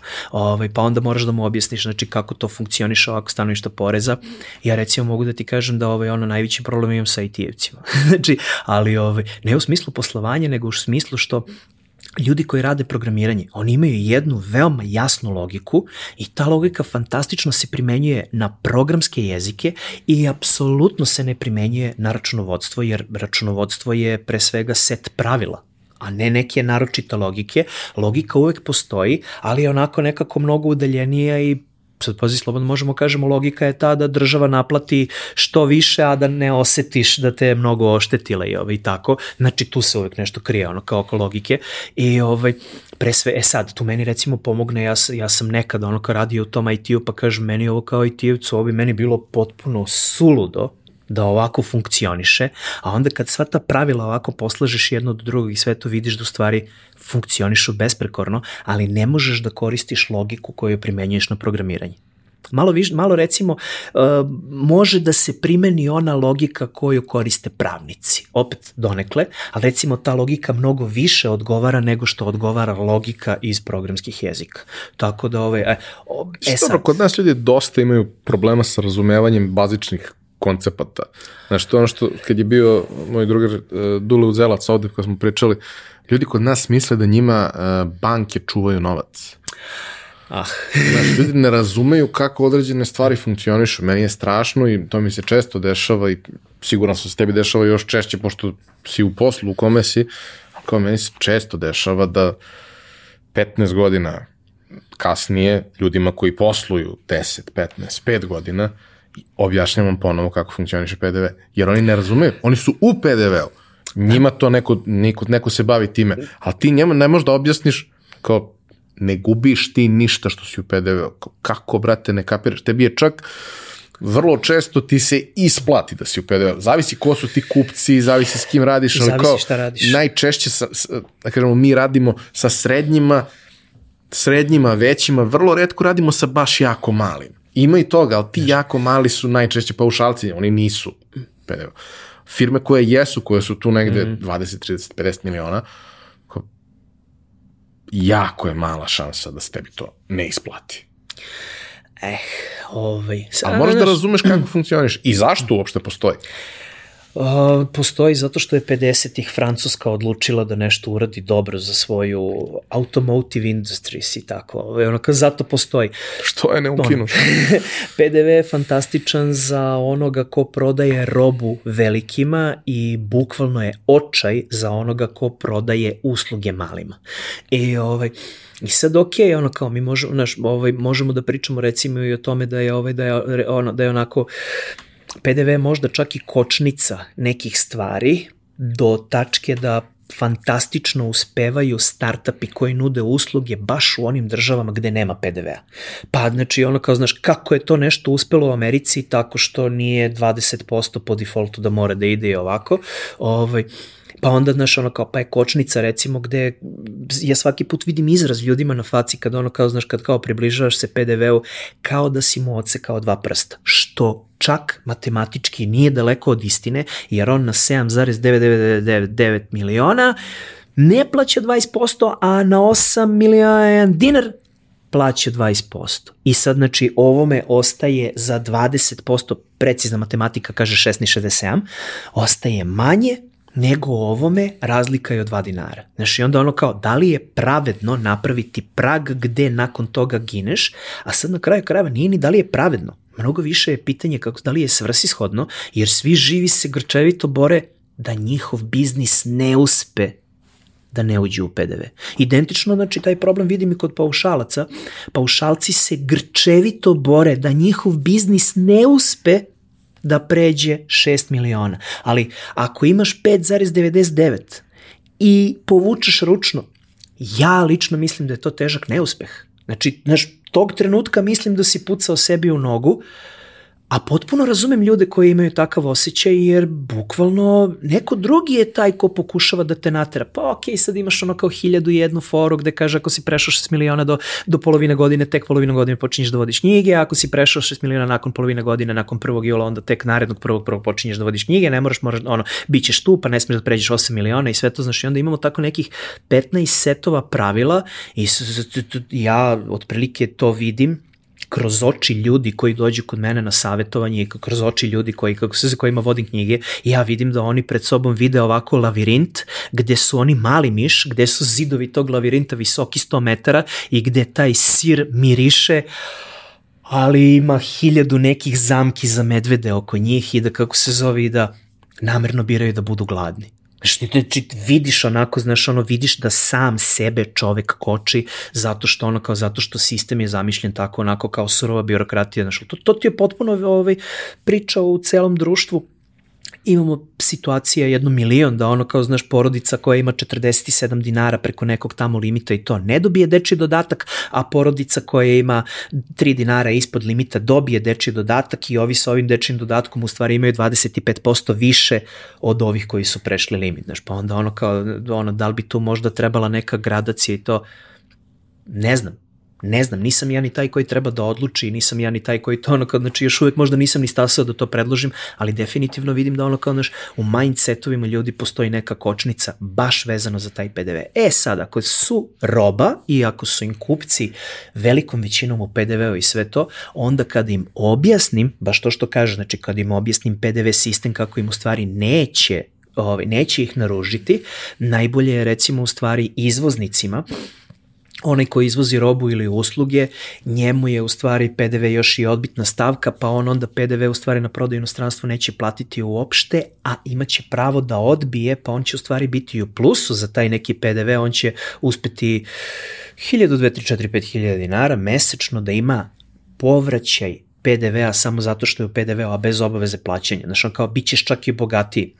Možda je to ja mislim da je to sjajan postrag za izvoznike, ali nekako ono, ali za sve ove koji nisu izvoznici, dok se oni ja, dobro ne posavetuju. Taj, taj moment koji meni uvek ono, deluje kao taj uh, sweet spot kad nastaje najveći problem, su ovi koji su mali, e, koji u suštini uh, posmatraju to na sledeći način. Moj proizvod košta 1000 dinara, košta će 1200.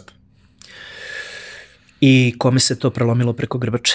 Kupcu, Kupcu. ali opet, znaš kao, kupac kao fizičko lice ne razume to. Tako je. I ne treba da razume. Ako Tako je kupac je. firma, to nije neki problem. Mislim, Ako je kupac je firma u PDV-u, to je njima u dinar isto. Oni će taj PDV odbiti kao ulazni i doviđenje. To je nije problem. Znači, znaš, ti moraš nekom fizičkom licu da, ovaj, kako se zove, da, da, da objasniš. Šta se desilo? Zašto je sada to 20% skuplje? Pa do tačke recimo ono kao da ti imaš fizička lica koja kad uzme ovako račun i kad pogledaju da je PDV nula, oni misle da kradeš porez. znači, sretao sam to ono kao, oj ne plaća PDV, kao, znaš, utaja poreza nešto, a u suštini ono kao ti po pibo možeš da predražiš da li je u PDV-u ili nije. I, ovaj, i okej, okay, ono kao, znaš, ali ti ne, još i ne očekuješ od klasičnog kupca, prosečnog građanina, nekog ko ono, dobar dan, četvrt bureka i jogurt, ti od njega stvarno ne očekuješ da, ovaj, da kako se zove, da on razume razume sistem PDV-a, ali on će definitivno razumeti ako je nešto poskupilo 20%. Znači, ako je nešto bilo 1000, a danas je 1200, on će to razumeti. Možda ne zna da broji, ali zna da broji pare. I to je, to je, znaš, to, to je ta neminovnost i onda će ispasti ili pokušavaš da ga pređeš ili si poskupeo ili tako nešto i onda ono kao definitivno ta neka nagla promena dovede do toga da ovaj, opet ono, opet uradio si alienate svojih kupaca, a neko te primorao na to. Kako izgleda kad jedan IT-evac svaštar koji voli sebe komplikuje život, uđe u knjigovodstvo koje je jedna, mogu slovno kažem, užasno dosadna, birokratizovana, old school disciplina, iz ugle većine ljudi koje se njome bave. Ne mora da bude samo isključivo tako, ali obično jeste. Zašto je tebi to bilo interesantno i kako si se ti potrudio da to bude drugačije? Odnosno da ga učiniš sebi makar interesantno. Pazi pre svega ono kao, znači imaš onaj, onaj koncept e, da interesantno ti je ako konačno imaš redovne prihode. Pazi, znaš, to, to ti je onako, to ti je, kako da kažem, to ti je želudačno interesantno knjigovodstvo je recimo jedan od primera, ovaj, baš kažemo ono kao IT, kompa, ono, ovaj, uh, uh, provajderi, kako se zove interneta, recimo, ovaj, on, on, oni su isto ono kao pokazatelj toga. Ne postoje uh, periodi, pa kao, znaš, ono kaže, znaš, ono kao ništa se ne prodaje u septembru. Pa nema svi, nema se, e, znaš, pazi, meni je, meni je naplata faktura identična i u januaru i u, ono, e, desi mi se recimo ono kao juli i avgust u principu krenu da kasne. Svi su bre po nekim odmorima i to je okej. Okay. Ovaj, eto, to mi se ono zadesi i desi mi se da ne možeš nikoga ni za glavu ni za rep da uhvatiš do 15. januara. E, znaš, ono kao, pa kako se zove, pa onda juriš, znači, pa šalješ poruke, ali, znaš, ide PDV 15. januara, morat ćeš da platiš i to, pa mu najavljuješ unapred, pa mi se dešavalo da, ovaj, jedan baš divan lik sa Twittera, kada sam uradio završni račun, on se javlja i kaže, ali ja sam na Kopovniku. I ovaj, moraš da potpišeš danas je zadnji dan. Joj, što da radim? Rekao, znači, ono, siđi tu dole u hotel izmoli na recepciji sa 300 grama milkom, šta god. Znači imaju negde neko računovodstvo, negde imaju čitač kartice. Utakni ličnu kartu, a ja imam recimo kompletno spreman server koji ima, ovaj koji je RDP, sa Windowsa nakačit ćeš sa RDP-om kod mene, on će propustiti smart card, i ti ćeš kod mene, pazi, trajaće, seckaće slika i sve to, ali ti ćeš potpisati taj završni račun. On je potpisao završni račun tipa ono kao čuko vremena kasnije kao, Znači, znaš, pazi, ni čitač, ni ništa, ali na ličnoj karti je imao uh, sertifikat, ličnu kartu moraš da nosiš sa sobom i sled okolnosti potpisa čovek sa Kopovnika. Imao sam i iz Hrvatske, imao sam i iz Australije, znači isto tako ono kao da su morali da potpisuju. Iz Bodruba nisam. Nisam iz Bodruma. Imao sam iz Turske, ali nisam iz Bodruma. Znači, nisam specifično iz Bodruma. Ovaj, a, a, ono, preuzeo sam knjigovodstvo posle afere Bodrum. Pa nije bilo interesantno sad. Ono, sad svi znaju za Bodrum, pa kao, znaš, nećemo više tamo, sad ćemo kušadasi. Ovaj, I onda onako, znaš, i onda pokušaš da nađeš neke zanimljivosti. Eto, recimo, tako je zanimljivo, zanimljivo je da kažeš čoveku, ne morate da dođete da potpišete završni račun kod nas možete to da uradite iz topline svog doma. Znači, sedite, ako imate čitač, super, ako nemate, ba, o knjižari je hiljadu i po dinara, možda ste dobili od svoje poslovne banke za čitanje, pa je to je isto? Ma da, da, da, to je potpuno isto. Jel treba neki softver? Ne treba. Windows stižu sa RDP klijentom, na Maca se RDP klijent instalira u tri klika, Microsoftov, i na Linuxu se instalira, e sad ono što Linuxaši kažu, ovolika kobasica da se instalira i još tolika da se pokrene ali mu lepo izdefinišeš to, to, to, to, to, to, to, to, to, i on ti otvori lepo ekrančić, propusti kako se zove radi. Tako da kao za svakoga imaš neko rešenje, a ta, ta Windows sedmica koja stoji u virtualizaciji čak i legalna. Čak imamo i nalepnicu i fakturu da smo platili i sve to, još dok je mogla da se kupi sedmica. Davno, pa imamo DVD, znači koliko, koliko godina ima tome. I, ovaj, I onda kao, eto, to je interesantno da ponudiš klijentu ono kao nešto što uglavnom drugi knjigovođe ne, ne nude, jer kod drugih knjigovođa ti moraš da dođeš sa certifikatom pa da dotrčiš, pa tu je bilo, ono, bilo je i onoga, ajde da ti šaljem ličnu kartu po trčkom, hajde da ti, pa onda u jednom trenutku je čak i ispala, ovaj, ispala je debata oko toga da li ti kao knjigovođa smeš da iskoristiš tuđi sertifikat da bi potpisao nečiji završni račun i sve to, na što moja advokatica ima odgovor i kaže smeš jer rekao ti je da smeš.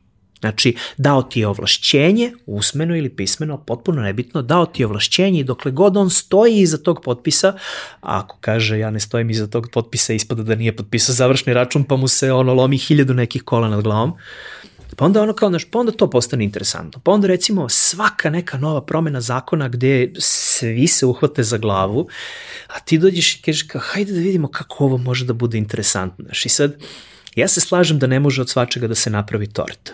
Znači, ako izvodiš nešto, kako se, ako izvodiš iz kanalizacije i kažeš evo je trešnjica od ozgoja, ovo je torta, ja se slažem. Ali aj probamo bar ono kao da liči na nešto, da ga nacrtamo.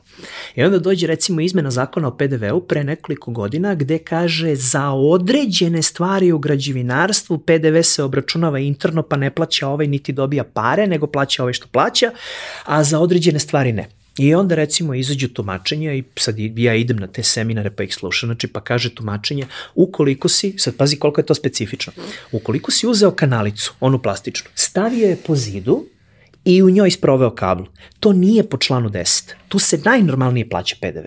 Ali ukoliko si uzeo i ištemovao zid, stavio unutra kiten crevo ili koja je već kako se ono rebrasto i to, ili bez rebrastog creva, zagletovo i vratio, to jeste po članu 10. I sad pazi, može biti interesantno da ti kao knjigovođa uzmeš lepo šlem ovako na glavu, staviš onaj svetlo odbojni prsluk i sve to kako si ušetaš na građevinu u nekim cokoletinama, razumeš i kad te neko pita šta ti radiš ovde, tebi je interesantno da se šetaš po građevini, ali ti lepo odgovoriš i kažeš kontrolišem primenu člana 10 PDV-a hoću da vidim da li je moj klijent to uradio tako. Znači ja ne mogu ti opišem recimo koliko smo mi u knjigovodstvu debatovali oko toga kad postaviš tendu, da li je tenda trajna ili je privremena. E sad pazi, znači tenda je bre obično neke šipke prišrafljene nečim, e ali ako su ti šrafovi zabetonirani, to je trajno, a ako su ti šrafovi samo probušena rupa, pa matica, to nije trajno, znaš, kao tenda može da se ukloni, jer kao jer znaš u skladu sa, zakon, sa ono kao idejom onoga koji je pisao zakon o PDV-u, znaš ti ćeš da staviš tu, tu ono tendu, odbićeš PDV i onda tendu nosiš kući na terasu da uživaš u njoj, mislim.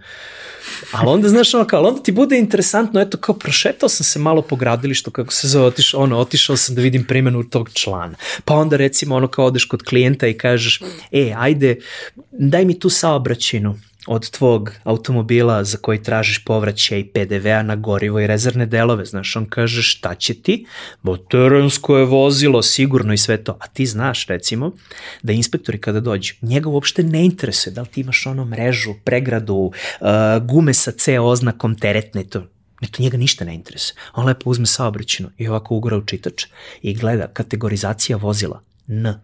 N1 laka teretna, N2 srednja teretna, N3 treba, je? On samo gleda da li je N ili je M putnička. Njega ne interesuje. On kaže, atest eh, homologacije, a, policija, oni su to odlučili pre mene, moje je samo ja da vidim da li me lažeš. U principu. Znači, inspektor dođe, samo mi očitajte saobraćene. Ti mu očitaš, hvala, I to je to, ode. Pa onda recimo ono kao baciš pogled na kilometražu, onako znaš ono kao, pa kako bre tvoj auto troši 63 litre na 100 km, daj mislim, bušan rezervoar ne troši toliko, znaš, smanji ga malo, smanji točenje na drugu stranu i tako, ono, kao, znaš, i onda ono, kao, znaš, neki, ono, kao sad tu pokušaš napraviš neki balans, ono, kao, budi barem 90 i nešto posto beo, a ovo budi bar nešto svetlo siv ili tako, ovaj, sa nekim klijentima, sa većinom klijenata, recimo, ja stvarno volim ono kao da radim sve na čisto i na belo, koliko god je moguće, jer čak nije ni problematično da bude. Jeste malo birokratija, ali, ovaj, ali nije. I onda pronađeš neke zanimljivosti tako, ono kao u tom nekom odnosu. Pa onda, ono, pa onda dođe dođe klijent recimo i kaže ono kao kupio bi ne znam kao kompjuter i to ovo ono kako njega da vodim kako da ga stavim i sve to ove ono pa onda kako se pa onda zanimljivo ti je recimo da saznaš da one cene koje su na onom divnom sajtu na kome može da se nađe sve, da se kupi od igle do lokomotive i gde se prodaju procesori stari jedan dan i telefoni stari jedan dan, jer ne sme se ne napiše novo. Ove, na tom, ono, kao na tom divnom kupujem prodajem ti recimo svaki koji nađeš komad hardvera, puna njegova cena, ovo, je, ovo sam baš gledao pre jedno dve godine, ta puna cena je niža od one cene koje ćeš na kraju dobiti ako platiš punu cenu i odbiješ PDV. I onda kažeš ono kao, ok bre, šta ovi zarađuju? A onda ti postane jasno u stvari ono kao koliko smo mi u stvari skupa država, jer, ovaj, jer ne može taj neko koji je uvoznik, on ne može da računa evro 117 kad to je napisani kurs, ali neki tamo pravi kurs je ipak malo nešto iznad, pa onda dok se uračuna sve tu, kako se zove, ono, sve, sve moguće papirologije i sve to carinjenja, pa merenja onih kamiona, pa stajanje u carinskom magazinu, pa gluposti, pa, ono, pa dok uračunaš, pa eto onda krenemo da objašnjam ljudima kao, ja recimo komšija me pita kao, kao nema više obezbeđenja kod nas u Maksiju. Kod nas u Sremčici tamo na ulazu nalazi se jedan baš veliki Maksi. Inači ono kao i ovi što su iz priče sa Maksijem i to kažu kao taj je velik. Jednog dana više nema obezbeđenja. I, znaš, sad moj komšija kao, kao, znaš, nema obezbeđenja i sve to, znaš, a ja krenem onako računicu, pa kao, evo, znaš, ako, uh, ako se mesečno ukrade u Maksiju i oni imaju zbog toga gubitak manje nego što bi ih koštalo da imaju obezbeđenje, onda obezbeđenje not. I onda, znaš, on, i onda, i onda ispadneš veliko društvo zato što kao izvodio si nešto digitalno i rekao A, B, C, D, znaš, i to onda podsjeća na onu scenu iz filma ovaj Fight Club kad ona je objašnjava i kaže ono kao A puta B puta C puta D ako je manje od ovoga ne radimo recall. I ovaj i, i znaš i ono i onda kao wow mislim prosta je matematika u stvari. Ali ovaj ali eto kao znaš kao pa onda pokušaš ovaj da budeš interesantan Pa onda recimo ono kao jedan deo knjigovodstva je i kako ovaj samog ono kao samog tog ja sam se smejao, ovaj u sebi sam se smejao. Znači moj dav, davnašnji advokat danas je postao notar, pa nije ovaj više advokat. On je čovek imao knjigu kako se zove koja je ono pisalo je na knjizi Pravni život. I ja sam to, ja, a pazi, ja, znaš, ono, mlad i sve to, ja sam to pročitao kao ovako treba da živiš život kao ako si pravnik potpuno sam naravno pogrešno razumeo. Ovaj, meni to bilo kao smešno. Znaš, sad ću da kažem recimo taj neki knjigovostveni život je bukvalno takav da, da mogu da ga svedem u formu vica, a to je ona fora kao ovaj, koja je razlika između ginekologa i zubara pa kao ginekologu na žurci kad kaže čime se bavi, niko ne dođe kao, a, imam problem sa šesticom, znaš. Ovaj. Kod knjigovodstva onako pola-pola. Znaš, pa krenu kao, ja, pa, znaš, moj neko ima, pa to, pa ovo, ono, uglavnom bude onoga kao propastio ga knjigovođe. Ovaj, što se uvek svede na to da se nije razumeo sa knjigovođem, jer opet ovi su introverti, vrlo često ljudi koji se bave biznisom koji je neko pružanje usluga, a pogotovo ukoliko je prodaja robe, oni su po defaultu ekstroverti, zato što priroda posla je takva da privlači ekstroverte, zato što se ekstroverti u tome bolje snalaze, kako god ovaj, ali I sad oni se ne razume. Ovaj bi da mu to bude objašnjeno sa mnogo rečenica, pa knjigovođe ono kao uzmi pročitaj zakon, kao piši ti sve, znaš, ovo je ono kao sad ću ja da čitam 700 strana, 17 zakona da bi ja to shvatio zašto, kao pa zašto ja plaćam tebe. I uglavnom ne iskomuniciraju. Ove, ovaj, ali, ali tu je recimo ono kao, pa je onda tu zanimljiv taj deo da prevedeš sa knjigovodstvenog na srpski, pa sa srpskog da prevedeš na knjigovodstveni. Gde, ovaj, gde recimo ono kao davno je bio jedan slučaj što mi se požalio čovek, knjigovođa ga zavio u crno, naravno, Zašto? Zato što je njemu knjigovođa uradio završni račun tako da on bude u blagom gubitku. Ako se dobro sećam, znači on je bio u gubitku tipa 30.000 dinara. Na ogromnu firmu u milionima i u PDV on je bio u gubitku 30.000 ono, 30 dinara ali zbog toga što je gubitaška firma on nije mogao da aplicira za kredit. I sad, oni knjigovođe nisu iskomunicirali, knjigovođe je radio ono najbolje što je znao da mu sprovede svaki papirić u skladu sa zakonom i opravda poreze tako da on bude u gubitku. Ali ovo me nije to trebalo. Ovaj je išao na to da se plati što manje poreza, pa to je onda nula kad si u gubitku, a ovo me je odgovaralo da se plati poreza nešto manje čak da se sprovede kao trošak firme, da bi bio pozitivan da bi mogao kao pozitivan da aplicira za kredit. I onda to je ono, to je i taj nedostatak komunikacije između jednog i drugog i onda ja zato kažem da ne volim u stvari da se bavim, ovaj, da ono, ne volim knjigovodstvo da ja hvatam ovaj, hemijsko i sve to, ja mnogo više volim da saslušam želju potencijalnog klijenta i da prevedem to knjigovođi mojim knjigovođama ili drugim knjigovođama, ali uh, jer mislim da on, uh, uh, uh, uh, sagledavaju sa različitih strana. Znači, jer ono kao ono knjigovođa neće sagledati to da li ti imaš potrebu da otvoriš pet novih radnih mesta do kraja ove godine ili, ili tako nešto, znaš, ne, ne bavi se time da sluša tvoje, ono, da, da, da razmišlja o tome da li ćeš ti da ulažeš, da širiš brand, da li menjaš logo, da li, kako se zove, da li imaš novu fokus grupu na koju ciljaš, uh, da li planiraš rast od 17% ili 35% ili si možda jedan od onih megalomana koji planira rast od 200%, a čak mu i pođe za rukom, to nije posao knjigovođe. Knjigovođe je tu lepo da uzme i da odbrani tvoje umanjenje poreza pred državom. E, onda sad negde tu između, znači to dvoje ljudi treba da se razumeju, meni je interesantno da prevodim jednima sa drugog i drugima sa prvog. I tu pronalazim sebe. Jedan siguran sam velikih izazova i u tvom slučaju, posebno što nisi firmu pravio od nula, nego je firma postojala, to su ljudi koji su se duže niz godina bavili mm -hmm. time, je što treba da, e, što kažu u dva sata kvalitetnog TV programa, probiješ embargo na mozak. Ovaj, odnosno, pomogneš tim ljudima, sa, sa iskustvom koje imaju, da neke stvari možda mogu da se radi malo drugačije. Iako ta omiljena rečenica prosečnog knjigovođe, mi to radimo tako već 20 godina, jeste uzrečica i razumem i sve to jasno, ali možda, evo, za promenio se milenijum umeđu vremenu, pa možda Jest. moglo i nešto drugo. A kad čuješ rečenicu, ja to radim već 30 godina, ja to radim već 40 godina, ja to radim već 50, iz, iz mog nekog iskustva, kad, ono, kad god je neko izrekao rečenicu, ovo se ovako radi posljednjih N, gde je N dvocifren broj godina, uh, iz mog nekog iskustva preko 50% šanse je da apsolutno nisu pravu. U, ono, putem telefona drala se koleginica na mene koja mi je objašnjavala da može u evrima da se fakturiše izgradnja zgrada.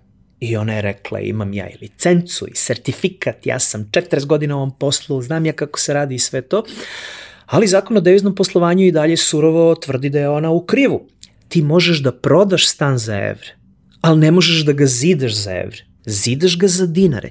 Ti dinari mogu da budu rezultat, za rezultat konverzije evra na dan kursa i sve to ovo ono, ali ne mogu da budu izražena fakturna vrednost. A ona lepo meni dođe i kaže ja u fakturi moram da joj navedem PDV koliko je u evrima. Ja kažem, gospodje, ovo je za zatvor. Ispostavlja se da, kažem, baš onako jednom glomaznom broju slučajeva ljudi koji se pozivaju na, pra, na, na ovako se to radilo u prošlom milenijumu i ispada da to tako nije u novom milenijumu, ovaj, možda je ono kao možda je došao trenutak sad nešto tu da se, da se, da se i promeni, da se, ovaj, da se modernizuje. Ima onoga recimo da ne, ono, neke knjigovođe koji imaju dovoljan broj godina ovaj, ono, staža i ovaj, papirologije ispod sebe, da, ovaj, da jednostavno nisu u koraku sa izmenama zakona Znači recimo to je kako se zove, to je ovaj to je onako naj naj ovaj neevidentnije ovde kod ovaj kod kako se zove kod uh, ovog poreskog tretmana lična zarada preduzetnika za preduzetnike, ovaj to postoji tek od 2014. E, ima knjigovođa koje nisu i dalje ušli u korak sa time. Onda recimo ima i onoga da nisu u korak sa preduzetnicima od one 2003. 4. 5. 6. kad je bila, kada je konačno proglašen termin preduzetnik, pa smo se svi bunili i rekli to trebalo da piše privatnik. Ove, ovaj, ono kada su prestale da postoje samostalne zanatske radnje i samostalne gostiteljske i sve to, ove, ovaj, pa nisu u, u, u koraku sa time, pa onda nikako da shvate recimo da je preduzetnik fizičko lice. I ako je dužan svom svojim imovinom za dugove i isto tako i sav novac je lično njegov. Dugovi lični, novac na poslovnom računu lični. Ali imamo mišljenje ministarstva za to. To čak nisu ni inspektori shvatili jedno dugo vreme, pa je izašlo mišljenje ministarstva koje je reklo, e, gospodo, vi iz Poreske, ovo se tumači ovako. Pa pola knjigovođa to uzme i nauči, pola knjigovođa i dalje možda ne rade sa takvim klijentima, znači ima toga ono kao rade nekoliko velikih DO i uopšte nemaju dodira sa preduzetnicima, pa ok, ovaj, ono kao i ne treba im možda. Ali, ovaj, ali taj onako neki deo da se, kako se zove, da se onako, da, da, da, da se prevede da se prevede knjigovođi šta je u stvari klijent hteo šta, je njegov motiv da ovaj ono da da da, da jedan knjigovođa shvati e imamo situaciju znači mislim ono kao ovog meseca ovaj znači taj klijent ko je ovaj pošalje mi nedavno je počeo da radi znači pre par meseci pošalje mi poruku kaže e a jel 15. baš mora da se plati PDV ili može da se zakasni dan 2 3 I sad je ono, znaš, ono, kao, ajde da ponovimo tu rečenicu iz početka. Rekao, nenormalno je država surova što se tiče PDV-a, ukoliko se desi da si pustio transakciju, a banka je odbila iz neke greške sistema, potvrda banke da nije izvršeno, ali da si dao nalog je ono što će te možda, u većini slučajeva da, ali možda spasiti kazne, kontrole i tako to. Država je za PDV surova. Znači, kad kažem surova, hladnije nego, kako se, nego u Sibiru. Znači, surova. Mora 15. Kaže čovek, ali šta da radim, kaže sad nemam dovoljno para, platio sam tebi. Znaš, i sad stanem, rekao, vratim ti pare nazad čoveče, znači plati PDV, platit ćeš za 5 dana, mislim, znaš, ili za 10, ono kao, znaš, nemoj popiti kaznu, bit ćeš upropašćen ako, ovaj, ako dođe do toga. E sad, znači, tu knjigovođa mora malo da sagleda i iz tog nekog smera klijenta. Ja recimo, ovaj, ono kao ja kad sam počinjao saradnju sa tom knjigovodstvenom agencijom koju sam preuzeo ovaj, pre tih nekih desetak dana, ja sam započeo... Godina. Godina, lapsus. Ovaj. Da, da, malo više, ono, ono, ono drugo što nisu dani, nego malo više. Uh, ja sam sa njima imao ovaj, imao i neki ono kao načelni dogovor, ja vama održavam kompjuter, ali kao hajdi da mi pomognete da ja postanem legale, znači, ovaj, da, da, da znaš ono kao, znači, ok je to, vi meni kao kešu i sve to, ono, kao, prošlo je više od 10 godina, ne mogu da me poreski kontrolišu, ali hajde ono kao da ja tu dođem i da, ovaj, kako se se postanem legalan, Znači da mogu drugim biznisima, jer kao među vremenu ti ukačiš da je svim biznisima frka da ti daju kešu, ali kad napišeš fakturu, možeš napišeš koliko hoćeš na fakturi, jer faktura je jednostavna, keš je problematičan. I a ja postanem, pa oni su meni nekoliko meseci objašnjavale. I ja uopšte nisam razumeo šta su mi rekli. U suštini, znači, objašnjavale su mi da deo je veoma nepraktičan za mene, Znači sad ovako kad vratimo nazad rečenice, objašnjavale su mi da imam način samooporezivanja i paušala gde paušal možda će da bude ovoliko, možda ovoliko para, a samo oporezivanje će definitivno da bude preskupo, jer i dalje pričamo tu negde 2010. još uvek nije postojao ovaj izbor lične zarade preduzetnika. Ali one su meni to mesecima objašnjavale. Pa sam ja onda pre, neko, ono, pre nekoliko godina došao i kao, ok, rekao, zašto mi ne bismo bili u PDV-u? I mi smo tri sata debatovali o tome zašto mi ne bismo bili u PDV-u, da bi na kraju njihov zaključak bio, pa dobro, ali jednostavnije nam je da kako se zda ovaj ono kao da uh, u stvari otvarao se novi klijent zašto onda bude u PDV-u pa kao jednostavnije nam je da radimo ako je on u PDV-u. Pa onda recimo sad imamo debatu kao da li mi da budemo u, ono da budemo u PDV-u po želji naravno.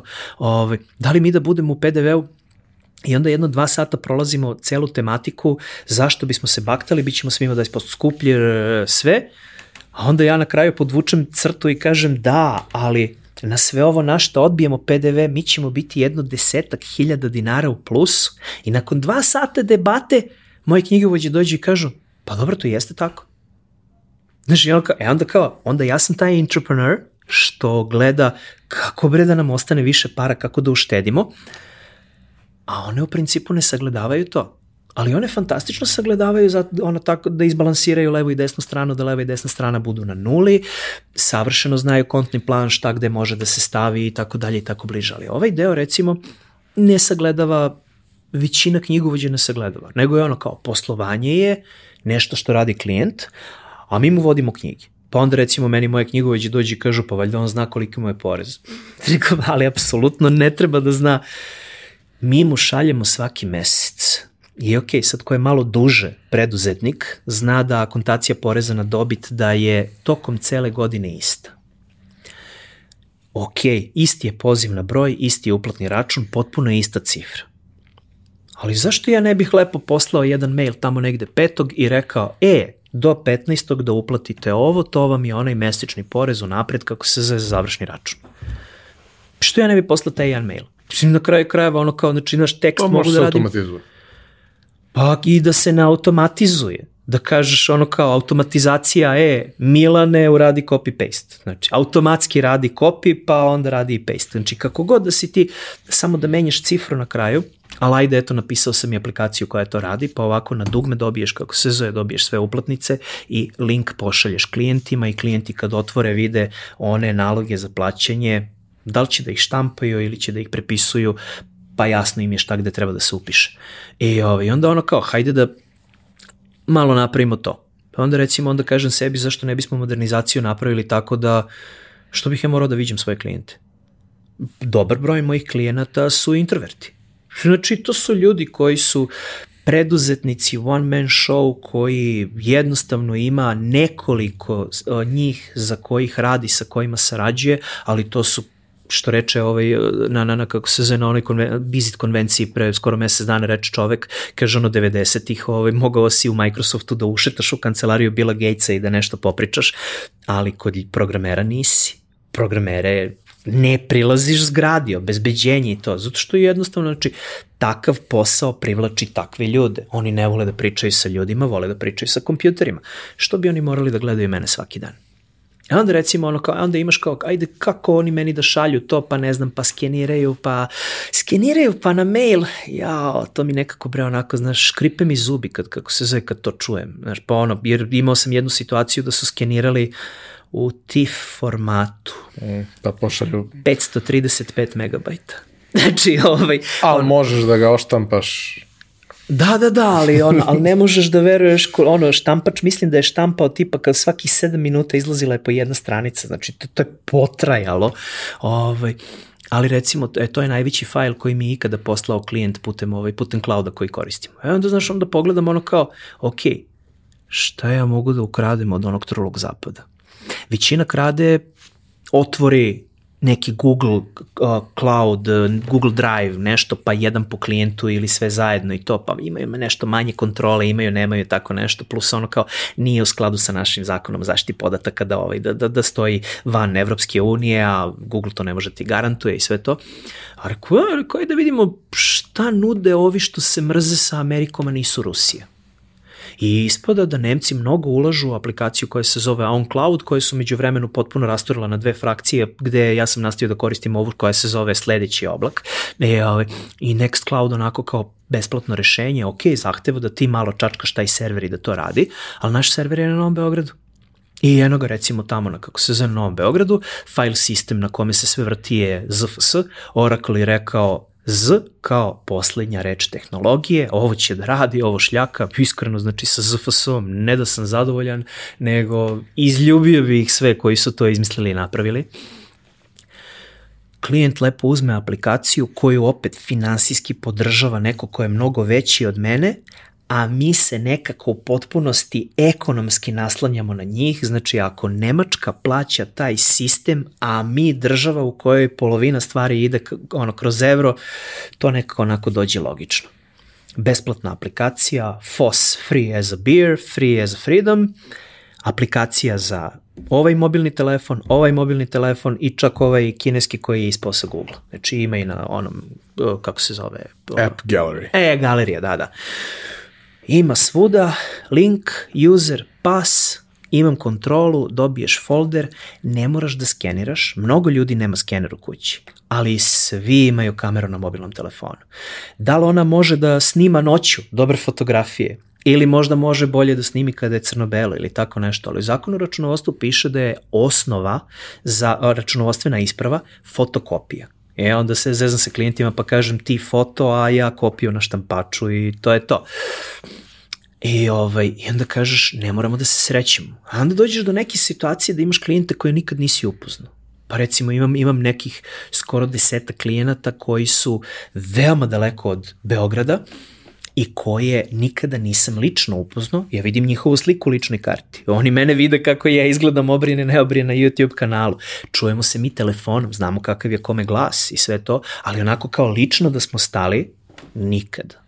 E sad, ovaj, on, oni elektronski potpisali su ugovor sa, kako se zove, sa ovim kvalifikovanim potpisom, Uh, tako su isto dali i ovlašćenje nama na Poreskoj da, ovaj, da možemo da radimo njihovo ime. I onda kao, znaš, da li su to neke stvari koje su bile potrebne knjigovodstvu, znači sad ti pogledaš recimo kao veliki sistemi odavno razvijaju neke erpove koji su im neophodni u poslovanju i sve to kao, znaš, ali da li je trenutak došao i sa, za samo knjigovodstvo da ovaj, i sad onda ti recimo tu imaš baš ovaj, komuniciram dosta sa jednim ovaj, sa, sa jednom firmom koja proizvodi knjigovodstveni softver koja je mlada ovako, ali je baš ono kao 100% srpska firma, ovde u Srbiji sede ljudi koji pišu kod. I onako komuniciram sa njima i kao mogli, znači moglo, mogao bi softver da radi ovo, mogli bi ovako, mogli bi onako i onda one mi kažu kada god dođu kod knjigovođe, novog, neka nova knjigovostvena firma da pokažu kako je to njih, njihov softver, mislim, to, to, to je, znaš, uvek ono kao ovaj naš softver radi mnogo bolje nego onaj tamo, o njima ništa ne valja. Ovaj, ali kao, njima kao glavnu manu nađu to što su njima informacije u cloudu. I sad, znači, meni dolazi njihova ljuta konkurencija, pa sad kao pričamo nešto, i ona žena meni kaže, da, da, ali zamisli sledeći scenariju. Radiš knjigovodstvo i crkne ti ADSL internet, šta god da si imao, znači prestani ti radi internet. Kaže, šta ćeš da uradiš? Ja ti garantujem da ona nije očekivala odgovor. Ja sam je rekao, rekao, uzit ću svoj MacBook, otvorit ću ga i reći ću mu spoji se na hotspot od iPhone-a i nastavit ću da radim. I ona kao, pa dobro, ali ne mogu to da rade i sve tvoje kolege. Rekao, pa actually mogu, u stvari, ono kao već smo se verzirali, rekao, stvarno, redko nam puca net, ali kad se desi, uzmete, izvučete mrežni kabel, jedna, ona koja ima najviše gigabajta na službenom telefonu, uključi hotspot, nakačite svi na hotspot i tada vam ne radi štampač ali radi on sve ostalo, znači radi on pristup mailu, radi on pristup ono. I sad onda ja njoj dođem i kaže, kao da, da, da, pa dobro, eto, morate se dovijati, rekao, ja rekao sad gospođe, ja vas da pitam kao računovođa vi morate ili da primite nalog od klijenta za radom, pa to je neki ulazni račun, pa to je neki kako se račun iz kafane za reprezentaciju, to je kupljen neki novi hardware, šta god, znači ono, točeno gorivo, nebitno, ili primate od klijenta nalog da treba da se neki izlaz, da, znači ono, ono što ste vi obradili, da mu date kao, kao, znači, kao rezultat rada pa to je onda izdajte fakturu, moje ime ili ne znam, trebaju mi bilansi da nosim u banku i tako svašta, znači nebitno. E sad, kako ćete vi da dobijete taj nalog od klijenta? Vi imate software, znači tu u lokalu, vrti se na nekom Windowsu, neki share, nešto ovo, ono, a kako ćete vi da dobijete taj nalog ako vam je crko internet, pa nemate ni pristup mailu, pa nemate pristup ni Google Drive-u ako ste tako primali dokumente i sve to, vama ostaje pristup vašem programu ali nemate ništa drugo, rekao. I sad rekao, ne znam, rekao, vi očekujete da vam klijent pošalje faksom. Mislim, eto, kao faks će još uvek da radi ako radi. Rekao, ili šta, mislim, a opet ako krenete da mi kažete dobit ću informaciju putem Vibera i sve to, pa e, super, Viber, znači imate nekakav internet. Pa ako možete da Viber, onda možete i taj neki program i to, rekao iskreno, rekao, a pogotovo rekao sa one strane, znam kako izgleda gubljenje podataka, i u teoriji i u praksi, znam šta je potrebno raditi da bi se zaštitilo sve to i apsolutno želim da to ne bude moj posao i moja glavobolja. Prepusti nekom drugom da štiti tvoje podatke od upada, od menjanja, od nestanka, od promene, od nečitljivosti, od svačega ovako ovo, ono, znači pusti nekome druge, je taj neko nek, a da ne bude ono kao, e, pa znaš, pa mislim, crko ti je hard disk, ovaj, ili još bolje, kao ovaj, ono, letao je kriptoloker, izmenio je sve živo i onda ti dođe i kažu, ali stavili smo dva hard diska da rade paralelno, baš da se to ne bi desilo. I onda, nakon mnogo suza, shvate da RAID 1 nije challenge za namerno menjanje podataka. Tako da, ovaj, tako da, kako se zove, tako da, e sad, znaš, e sad, upravo dolazimo do te poente koji si, ono, koji si rekao, znaš, ono, kao knjigovođe koje kažu ja to ovo ovako radim n godina, n veće od 10, a, imaju i taj neki, pa pazi, jedan od, od, jedan od nenormalno poznatih ljudi na internetu, a poznat, ono, poznat je vezano za mikrotik, on je u svom gradu pre više od deceniju napravio mikrotik mrežu i sve to, znači jednom prilikom nekoj raspravi, tipa na Twitteru ili na Facebooku nešto, čovek kao argument iznese za online e-banking, on iznese kao argument protiv toga, kaže da, da, da, ali u tom softveru moraš da budeš non stop nakačen na internet. A kao, znaš, a ja koristim ovaj gde sve pripremim pa se nakačim na internet. Što ja stanem i kao, joj, druže, ali Danas je 2021. A evo, veoma blizu nam je 2022. Danas ti je, bre, e, znači, ok, možda ti nije frižider nakačen na internet, Još ali, uvek. ali klima jeste. I onda, znaš, ono, i onda, i to i kad sam rekao ovaj, ženi koja je prodavala i prodaje i dalje ovaj softver ovaj, koji, koji je za knjigovodstvo radi u lokalu na lokalnim računarima i kaže, rekao, gospođi, ali vaša klima je na internetu. I ona kaže, jao, jeste, uzeli smo novu klimu letos, nakrčili na Wi-Fi. Jao, klikneš ovako i dođeš kući ono hladno ili toplo ili šta si već namestio. Znaš, ja kao, ljudi, bre, polako nam rerne i mikrotalasne i šporeti, bojleri se kače na internet jer kao će se tuširamo 18 i 20, želim temperaturu temperaturu vode 73 stepena. Zarez dva. Mislim, znaš, malo neke stvari idu napred, knjigovođe se savršeno sećaju koliko je recimo taj neki Excel kada je počeo da se koristi, koliko je olakšao neke stvari. I ja dan danas recimo dobijem na ovaj, dobijem negde, na ono, stigne mi mail ili tako nešto kao evo kolege, kao napravila sam novi Excel za obračun plata tap, cifra, koliko para da se plati, 3-4 polja, da li je subvencija, nije ovo, ono, tap, sve živo, koliko u stvari treba se poplaći ABCDD, ovo, ono, samo da prekucaš cifre na poresku. To se nekada radilo ručno, pa uzmeš računaljku, pa čukaš. Ovaj, ako je Excel napravio pomak, koji je alat sa kraja 80-ih, ali ajde da kažemo 90-te, ovaj, a, ono, a u Srbiji znači sa kraja 90-ih, da, da kažemo 2000-te, ako je to napravilo pomak, ok, sjajno. Ajmo sada neki sledeći korak, da nešto sledeće pomaknemo. Pa onda ok, u inostranstvu odavno ono kao funkcionišu QuickBooks ovaj, kao, kao software, pa je kako se zove, pa to do ono, to možda ne može još uvek kod nas, možda smo mi kao cela, uh, cela zajednica, pa kad kažem ono, znači celokupna Srbija zajedno sa javnim sektorom, privatnim sektorom, uh, državom, vladom, ovaj, svim elementima, kako se zove, koji su tu, možda još uvek nismo savršeno spremni za to, ali možda nam to upravo i sad kuca na vrat. Možda bi baš mogli da, kako se, da, da uradimo, ovaj, da uradimo nešto da se taj neki, da taj neki deo računovodstva između tog čoveka koji, kome treba računovodstvo i tog čoveka koji će to računovodstvo izvršiti, da bude nekako jednostavniji za komunikaciju. Da ne, ono, da ne moramo da sedimo i da, da, da raspredamo različite priče, uh, da, da ono, da li može ovo, pa ne znam kako se zove, pa ne znam, jedna, jedna od najboljih novih izmena zakona je ono što sam spomenuo zakon o građevi, ovaj, PDV vezano za građevinu, e, sada su rekli, e, sve to što, kako smo rekli, ali razlika nastaje da li je faktura 500.000 manje ili više jer do 500.000 obračunava se PDV baš onako kako se obračunava 2010. a preko 500.000 obračunava se baš onako kako smo izmislili da se obračunava. Znači, i onda kao, ok, hajde da napravimo još jednu variablu i još jedan problem i još jedan uslov i sad nijedan građevinac više ne izdaje fakture od 499.000 dinara, svi izdaju fakture od 501.000. Znaš, ono kao da ovaj,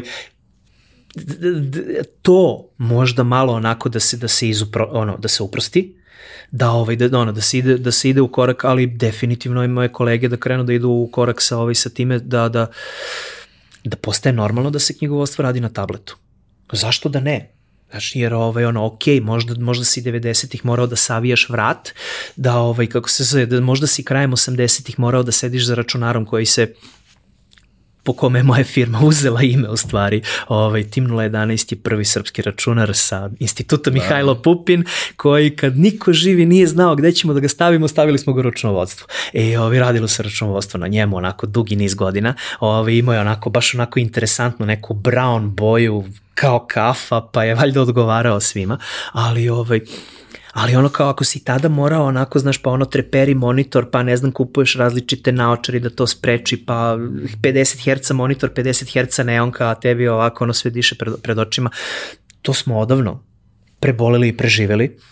Sada onako možeš, ono kao možeš da legneš u neku veoma udobnu poziciju koju god izabereš, pa do pre recimo nekih ono deseta godina to je morao da bude laptop ovako na stomaku, pa mi koji imamo velike stomake, mi već imamo dobar ugao da se nasloni laptop. Da, da, da, da, da, znaš. I ovaj, samo da, da ne zatvoriš onaj deo gde uzima vazduh da se hladi, znači ti sve je okej. Okay. Ali sada recimo uzmeš tablet, pa zašto ja ne bi sa tableta ja ne znam koliko puta mi se desilo da ovo, ono, da se vozimo kolima, znači kogod da vozi, ovo, ja ili gospođe i klijent pošalje kao ja, treba mi fakture, ja s mobilnog telefona, uđi mi, ok, malo je možda sitno, malo, malo sam ja možda previše gleda u cifre, pa ovaj, ono, moram da nosim naočari kad, ovaj, kad radim, ali malo ovako zoomiram u većama, aha, čuk, čuk, čuk, ta cifra, to kako se zove, klik, čovjek je u roku od par minuta dobio ono što je hteo. A ja baš onako uopšte nisam bio na svom radnom mestu. Pa nam onda krene ona korona. Od, evo, pre, ono, skoro, sad će dve godine pa krene korona, pa napravi haos, pa onda, znači, imam prijatelje iz, ovih, iz različitih internet provajdera gde kaže toliko smo se napravili različitih VPN-ova i pristupa od spolja za, ovaj, za, za ovo kao kad je počelo, kao ubijamo se od posla, radimo u tri smene. Ali ovaj, definitivno onda kao nastane taj trenutak da, da, da knjigovostvo sad mora da počne da se radi ne samo iz lokacije firme, nego i sa lokacija koje nisu firme. I sad, pričam sa nekim svojim kolegama koji mi kaže mi to radimo tako gde ovaj što je kao glavni šef ili tako nešto, on uzme i štampa milijardu papira i onda raznosi koleginicama papire da kao daš da rade. I ja ovako gledam i ono kao, znaš, ja sam koleginicu pitao kao hoćeš da ti dam drugi monitor, da ovde otvoriš A, a ovde prepisuješ B Pa mi je jedna koleginica rekla, ne mora, imam laptop i desktop, kao pa ću da otvorim tako kako se zove, ova druga već ima ono kao dva monitora, treća, četvrta, mi smo se pripremili. I onda gledaš ono kao, znaš, ako si se pripremio, ako si uradio taj neki IT deo pre svega ovoga, u, koron, ono, u ovaj deo vezan za koronu si baš onako ušao bez preprike. Jer kao već ti je sve bilo spremno. E onda ja recimo pokažem ljudima kako ja sa mobilnog telefona mogu da se ulogujem na poresku sa sertifikatom. I ako su vernici, oni se prekrste. A ako nisu vernici, onda se ne prekrste, ali i jedni i drugi imaju identičnu nevera facu ovaj, ono, na, na, na, sebi. Može da se namesti, može da profunkcioniše, da li savetujem svima, možda ono pronađite neko svoje rešenje, ali ovaj definitivno smo ono nova realnost radimo od kuće radimo neke stvari od kuće. I onda znaš ono kao, ako je to zahtevalo da, da, ovaj, da ponesem ono kao, znaš, računaljku onu sa papirom koja se utakne 220 volti i ono kao tri kruga trake kako se zove da ovako, znaš, po ceo dan sa nekih papira, to sad više neće da može. Sada će u stvari da može ako već radiš nešto u tome, ono kao pa imaš Google ove spreadsheetove, pa radi u njima. Ove, ono, znaš, ako, ako te, kako se zove, ako, ako ako nemaš dovoljno para za neki softver ili ovo ili ili tako nešto, ali ono znaš, ali postoji i taj deo gde i to ne mali broj ovaj i ne samo knjigovođe, nego onako dobar broj i ovih ovaj i, i, i drugih biznisa ono kao znači neće da zakorače prema IT-u. Baš onako znaš kao ma da da da, ali nek to ovaj to je internet, to mnogo novo.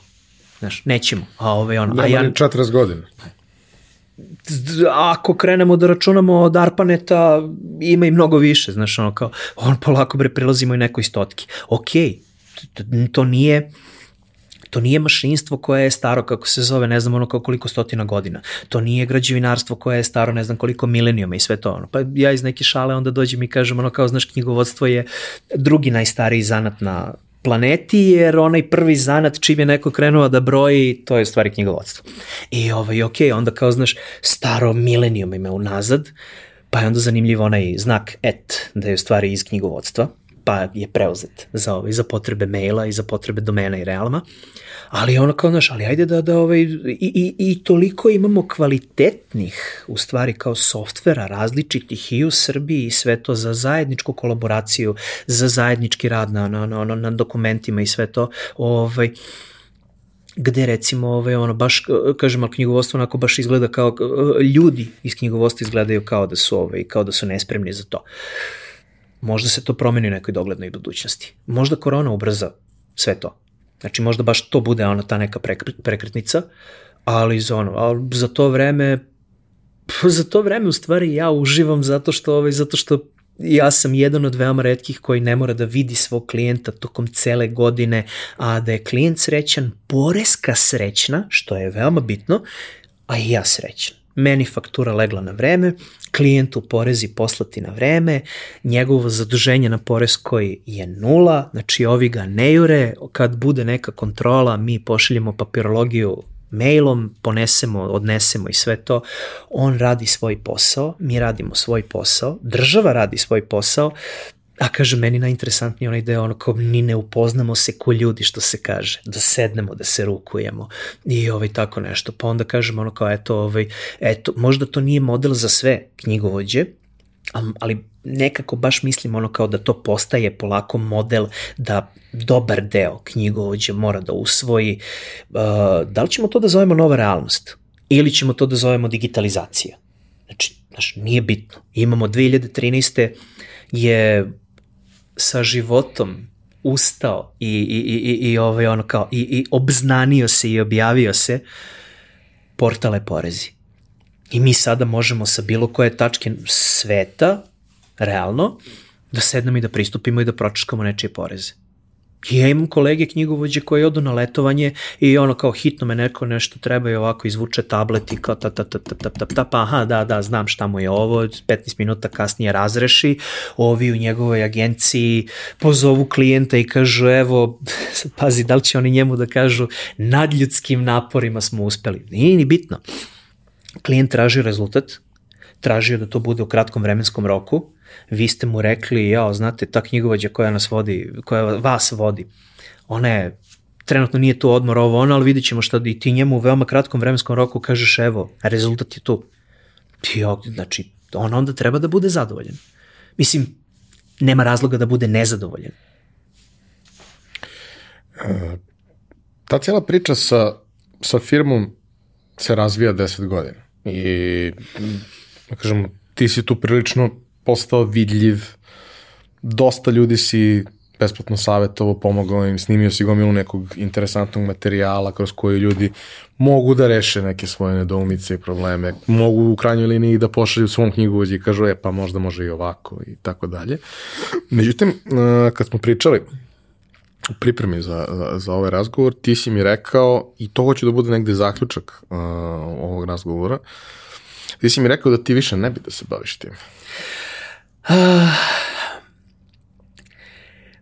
Pa onako, znaš, znači, kao što smo i ovaj kao što smo i tada ono kao pričali, uh, vidim da vidim da nedostaje nešto nešto to je nešto nedostajalo i kad sam ja bio IT-evac. Uh, ja kao pre nekih 15 godina, 20 godina, znači ono kao, znaš, pozove me neko i kao, ja, znaš, usporio mi Windows, ono kao, treba mi reinstalacija, ja, sve to, znaš, ja ponesem par diskova sa sobom, ponesem neke drajvere, ponesem ovaj, on, u nekom trenutku nosio sam i ovaj, nosio sam i ovaj USB Wi-Fi uređaj koji je bio takav chipset da ga je Windows imao je driver za njega automatski ovaj, i USB mrežnu karticu da mogu lepo kompjuter da prikačim na internet pre nego što sam instalirao sve ostalo i to. I, ovaj, i tu sam shvatio znači da postoji jedan problem. Ti kad sedi, sediš za računarom, Ove, ovaj, a to sam recimo mnogo kasnije shvatio, ove, ovaj, dok sam posmatrao jednu programerku dok piše kod. E sad, uh, imaš kamere pa ja mogu da demonstriram kako izgleda čovek koji, čovek, žena, ono, ljudsko biće koje piše C++ kod dok ga piše. I to je poza koja se ne menja recimo po 45 minuta. Gleda zabrinut u ekran i drži ruku na bradi. E, sad pazi, već e, ja dok krenem, znaš, pa razmišljam ono kao, znaš, da li da prvo instaliram drajvere za USB ili prvo da instaliram drajver za mrežnu karticu ili za grafičku i to, pa šta će sa čime da se polomi, šta je ovde dodato, a šta je, kako se zove, šta je na ploči, pa kao, ajde, prvo chipset i sve to. I sad onako, znaš, razmišljam i to, aha, pa kao da li se, gde sam ono stavio, kako se zove backup iz Mozilla, ono kao da vratim sva podešavanja nazad i kako se zove i tako, ono kao, ja da rekao e-mail da mu backupujem, pa prebacio sam onaj ogroman file sa onom ekstenzijom, kako se zove što ga pravi ovaj Microsoft Outlook, ovaj, I sad je ono kao, znaš, mota mi se ono kao hiljadu nekih informacija po glavi, a, a mislim, IT je takav gde klikneš i čekaš da se nešto desi. Ljudi koji su tu pored mene, taj trenutak shvataju kao da je meni užasno dosadno. I onda pokušaju da uđu u priču. I onda, znaš, ja, ona, ja tamo ono kao razmišljam, kao, aha, znaš, ono, kao ovo ću da stavim na ovo putanju da ne bi, kako se, a, znaš, ali ne pomeram usne, i onda ljudi kao, e, si gledo sinoć, pa tema od protesta do kiša kako pada, znaš, nebitno kako se zove, znači ono nešto, znaš, a ja onako izrestajem se, e, ne, ne, čekaj samo ovo kao, aha, aha, aha, dobro, znaš, pa onda opet, ono, kao ti opet kreneš da ćutiš i da miruješ i na ono, kao, naš, nepomično razmišljaš, ono, kao, znaš, ako stavim, zatvorim zagradu ovde ili ako zatvorim zagradu ovde, ono, kao, šta će da se, to, a on opet kao, e, kakav je taj moj kompjuter? Pa sledeće rečenice budu, e, rekao mi jedan, on hoće da kupi takav ovo ono, ali on bi, pa znaš, pa jel znaš, pa jel ovako, pa jel bi mu bilo bolje A ili B ili to. I ti onda shvatiš u stvari da ovo je ono kao da postoje ljudi koji su programeri, ali ne pišu kod. Njihov zadatak je da sednu sa ljudima koji naručuju taj program i objasne se. I kažu da, mogu za 15 dana da vam kompletno preprogramiram ceo program i ovo dugme koje je gore levo premestim da bude dole desno i da mu dodalim zeleno, a ne crvenu boju. I to će vam biti završeno. I onda se okreneš ovako svojim piscima koda i kažeš osvojio sam vam 15 dana da popeglate one bagove i da ono iskomentarisano sa psovkama eliminišete, da lepo uljudite kod, da kako se zove, da to malo optimizujete, da ona sve to, znaš, ono, krajnje vreme da klijentu ne dajemo neku kvrgavu betu, nego daj nešto što će malo barem da radi i da se ne ruši, imate 15 dana. Da li si slagao klijenta? Ljudi mnogo više misle da je programiranje to što ćeš nešto, nečemu da promeniš boju nego nešto da uradiš iza, ovaj, ali potrebna je ta osoba koja meni stoji iza leđa dok ja radim za kompjuterom, koja će da popriča sa tim čovekom. I ja sam bukvalno recimo ovaj, ono kao voleo to da radim u karijeri, da povedem nekoga sa sobom, čak i dok smo radili knjigovodstvo, pa onda recimo odemo kod klijenta, pa ja kod klijenta da obezbedim da se forwarduje port na kako se zove na njegov program da bi mogli da otvorimo, da pristupamo, da radimo i tako to, pa da definišem sa kojeg, kog opsega IP adresa i tako. I ovaj, ja povedem radnika sa sobom koji ono kao, dobar je sa kompjuterima, ali kao šta da uradim? Rekao, ništa, rekao, bre, sedi i pravi se da gledaš nešto. Znači, otvori bre tog tepe linka i listaj. Izgledaj kao da nešto radiš. I onda pričam sa ljudima 45 minuta, kako se zove, izobjašnjavamo se, okrenem se ovome, kažem, e, sa porta tog na portaj, definiše IP adrese, to kako se zove spoljnje ulova, to, i kao samo to. Samo to u principu ono kao nemamo više, ni na kraju krajeva ni ne naplatimo sve to, ali ako dođeš i uradiš za jedan minut, ona će da kaže ja, ma ovo je nešto, znaš, mislim, pošto uh, ljudi kapiraju da ne možeš da složiš 200 cigala za jedan minut, jer to će nešto da se ljulja i da padne. Ali u IT-u možeš hiljade cigala da složiš za 3 sekunde klika, ako znaš gde, jer u IT-u je malo mnogo više ono pravilo udarac čekićem 1 dolar, znanje gde da udarim čekićem mnogo više dolara. I, ovaj, e, ali taj neki ko stoji iza i ko samo komunicira sa ljudima da bi da bi dokle god ti izgledaš kao da ti je dosadno, da bi imali se kam da popričaju. Znaš, neprijetno je i njima, to je ona neprijatna tišina, znaš, ti sediš i radiš, a oni ćute, pa onog, znaš, pa promeni se na, na, na TV-u reklama, znaš, ono kao krenu reklame, grunu onako i to, znaš, a oni sad nešto ih je uzdrmalo, ajde sad malo da popričaju sa tobom, u stvari ono kao su rušiti koncentraciju. Znaš, ako se okreneš i kažeš nema mi ruši koncentraciju, neprijatan si onda ti. Neko ko stoji između tebe koji pišeš kod, i onoga ko naručuje kod prema, znači treba da postoji ovaj, Pa sad pazi, znači ono kao to bi, kako se zove, to bi bio posrednik u hemiji, to bi bio neki katalizator ili bi bio neki emulgator, znači neko ko će uspeti lepo da sa A na B prevede. Ja sam u stvari poželeo ono što sam želeo pre 20 godina da izrađujem skupu hi-fi ovaj, opremu, sad sam poželeo da budem upravo taj neki ono medijator između onoga šta je naručilac knjigovodstvenih usluga poželeo i njegovog knjigovođe računovođe koji iz vrlo verovatno veoma objektivnih razloga ne može to da mu uradi.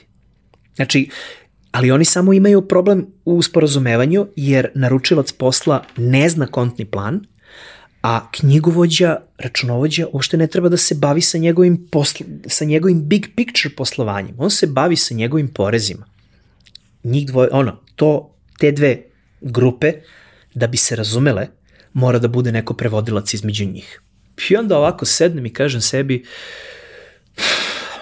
očigledno je postalo u ovoj emisiji da obožavam da brbljam. I još ako i znam o čemu pričam, to nije loše. A onda još i ako znam da prevedem, to onda još onako dodatno nije loše. Još ako znam da prevedem sa knjigovodstvenog na srpsko biznis, srpski biznis jezik, sa srpskog biznis jezika na srpsko knjigovodstveni jezik, pa ljudi da se sporazumeju. I onda recimo ono, ovaj, ja onda recimo vidim da ja to radim posljednjih mnogo godina baš kod mene u firmi, jer ja bukvalno to, ja prevodim želje klijenata ljudima koji to odrađuju i knjigovođe njihove zahteve i prohteve prevodim klijentima.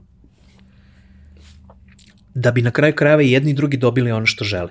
Jer klijent želi rezultate ponekad malo da mu se pročitaju misli, ponekad su te misli onako baš očigledne, ali samo za nekoga ko je ovaj ko, ko, ko, U materiji, ko, ko, ko to razume. Pa da, znači ko ono, a ovaj a to sve ono moje svaštarenje onako svih ovih godina dok nisam dok nisam ušao ovaj u u poresko knjigovodstvene vode, to je sve onako rezultovalo da mogu da vidim i sa te strane sa koje posmatraju stvari upravo ti moji klijenti da ne dođemo do jednog trenutka, mislim je dođemo do trenutka da kažem moje knjigovođe kažu za klijenta pa on bi trebao da zna svoje poreze i onda stanem i kažem dobro, zašto mislite da on plaća nas? Jer on ako zna svoje poreze, šta ćemo mi? Šta što onda plaća nas? Kao zato što nas voli? Definitivno ne zato što nas voli. Treba mu neki rad. Taj rad je najčešće vi brinite o mojim porezima. I naravno obavestite me ukoliko postoji i ukoliko je nešto redovno podsjetite me, a ukoliko je nešto varedno obavestite me, pa mi recite koje su mi opcije A, B, C, D, a ja ću onda posmatrajući i big picture svog biznisa, odlučiti da li ću A ili ću B ili ću C ili ću D. Ja sam jednostavno odlučio, ako to je možda bre ona italijanska ove, reč konsiljere, da kažem, e, ali ako odlučiš A, onda ćeš imati problem sa porodicom Luciano ili možda ovaj, ono, ka, ili možda eventualno sa poreskom. Ali ovaj, ali da kažem, znači ono ko ovde su ti, kako se zove, ovde su ti ovi rizici i ovde ti je ovaj benefit, jer pre svega za ovaj, pre svega znači svi gledaju da bude što bolji benefit i što manje rizik a ako je visok rizik da ne bude toliko visok koliki će biti taj neki prinos ili prihod. Znači da, ovaj, da onda da opet gledaju to. Da u principu to baš knjigovođe ne radi. A onda recimo imaš i onoga gde, ovaj, imaš i onog dela gde uh, knjigovođe ne rade svi sve. Znači, imaš ono, mislim, to, to, to, je, ovaj, to je recimo i krajnje očigledno kogod, ovaj, kogod ima dodira sa advokatima shvata da ono kao advokata ima pregršt, pa imaš one koji su za odnose između dve firme, pa imaš ove koji su za krivična dela, pa imaš one koji su za porodično pravo, pa imaš ovi koji su za imovinska, pa ovako, onako i to znaš, različit, ljudi se fokusiraju na različite, oni su svi advokati. I svi oni znaju da rade i ono drugo ali za ovo su se specijalizovali, za ovo su onako baš pronikli u materiju i ovo im ide fantastično. A, dosta ljudi kada prvi put im treba advokat, oni ne pitaju daj predloži mi nekog dobrog parničara. Oni kažu, meni treba dobar advokat, a znaš, a ona, a sad da li će da se tuži sa bivšom firmom za platu ili se razvodi sa ženom, njima je to sve potpuno isto. Isto tako i kod knjigovođa. Jedni su se fokusirali na velike firme u građevini. Jedni su se fokusirali na prodavnice koje su recimo tr ono, trgovine sa dve, tri kase, dve, tri lokacije i tako to. Jedni su se fokusirali na uh, uh, na recimo ono firme koje imaju veze sa turizmom. Ja imam jednu kolegu, on se fokusirao baš na uh, firme koje su vezane za zdravstvo. Znači, oko različite zdravstvene ustanove i sve to. I sad, pazi, on zna knjigovodstvo, ali zna i nenormalno mnogo zakona vezanih za zdravstvo i za, kako se za sve te propise, ovaj, gde ja mrtav ladan kao pošaljem, pošaljem, rekao, ja se izvinjam, ono, pozovu i mi bi da mi navodite knjige, rekao, ja se izvinjam, imam kolegu koji to radi savršeno, rekao, ja njegov broj telefona, znači, slobodno recite da ste dobili broj telefona od mene ili ne morate, pozovite i dogovorite se, zove me kolega popodne i kaže, e, ta žena što si mi je posla, ma nažalost ne može, znaš, ono ko ima samo srednju školu, a nema ovo, on, ja, čovjek to malom prsto, e, ja kao, de, ja imam pojma da li možeš da otvoriš zubarsku, lekarsku ili šta god, ono, da li mora srednje ili ne može srednje. On to onako u malom prstu, a i knjigovođe, usput uz sve to. I sad, kad, ovaj, kad, kad, kad, kad tako pogledaš recimo ono kao, a ja mogu da posavetujem poreski da posavetujem i one koji jesu zdravstveno ustanova, a recimo i građevine i sve to kako se zove, na, na primjer pa i restorane i, ovaj, i razno za restorane je obično recimo mora da se koristi ovaj, poseban softver da bi, kako se, da bi se radilo sa njima. A onda recimo ono kao, pa imaš knjigovođe imam recimo baš jednu dobru prijateljicu, ona baš, ra, baš obožava da radi restorane. A ja recimo baš ne volim da radim restorane. I ovaj, a ona baš voli. I onda ono kao, zašto bih ja neprekidno navlačio ljude da dolaze kod mene za biznise koje ja u stvari ne volim da im vodim knjige. Ali možeš da ih savjetuješ. Ali mogu da, im, da ih savjetujem.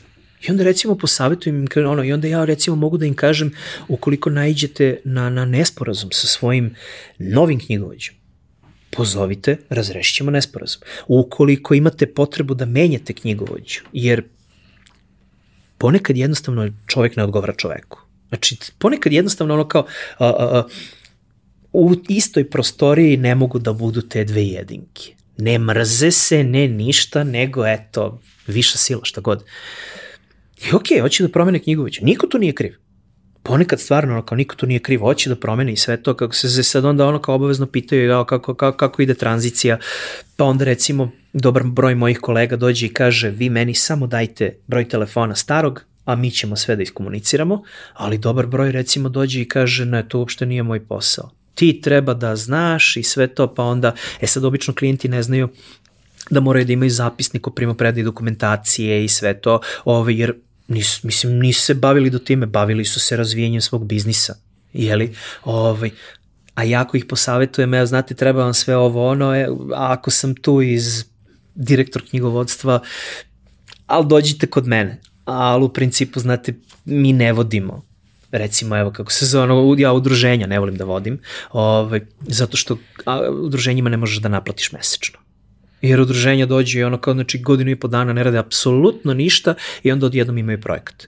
I imam kolegu koji radi isključivo udruženja i on lepo dođe i kaže im cena po projektu, koliki je projekat, to ovo, ono, oni to lepo unesu cenu knjigovodstva u projekat i ovaj, kako se zove, odrade posao, srećni svi. I onda što bih se ja gurao tu i forsirao, meni je mnogo interesantnije u stvari da iskomuniciram da kad neko udruženje hoće da promeni svog knjigovođu, izvolite, jeste pronašli?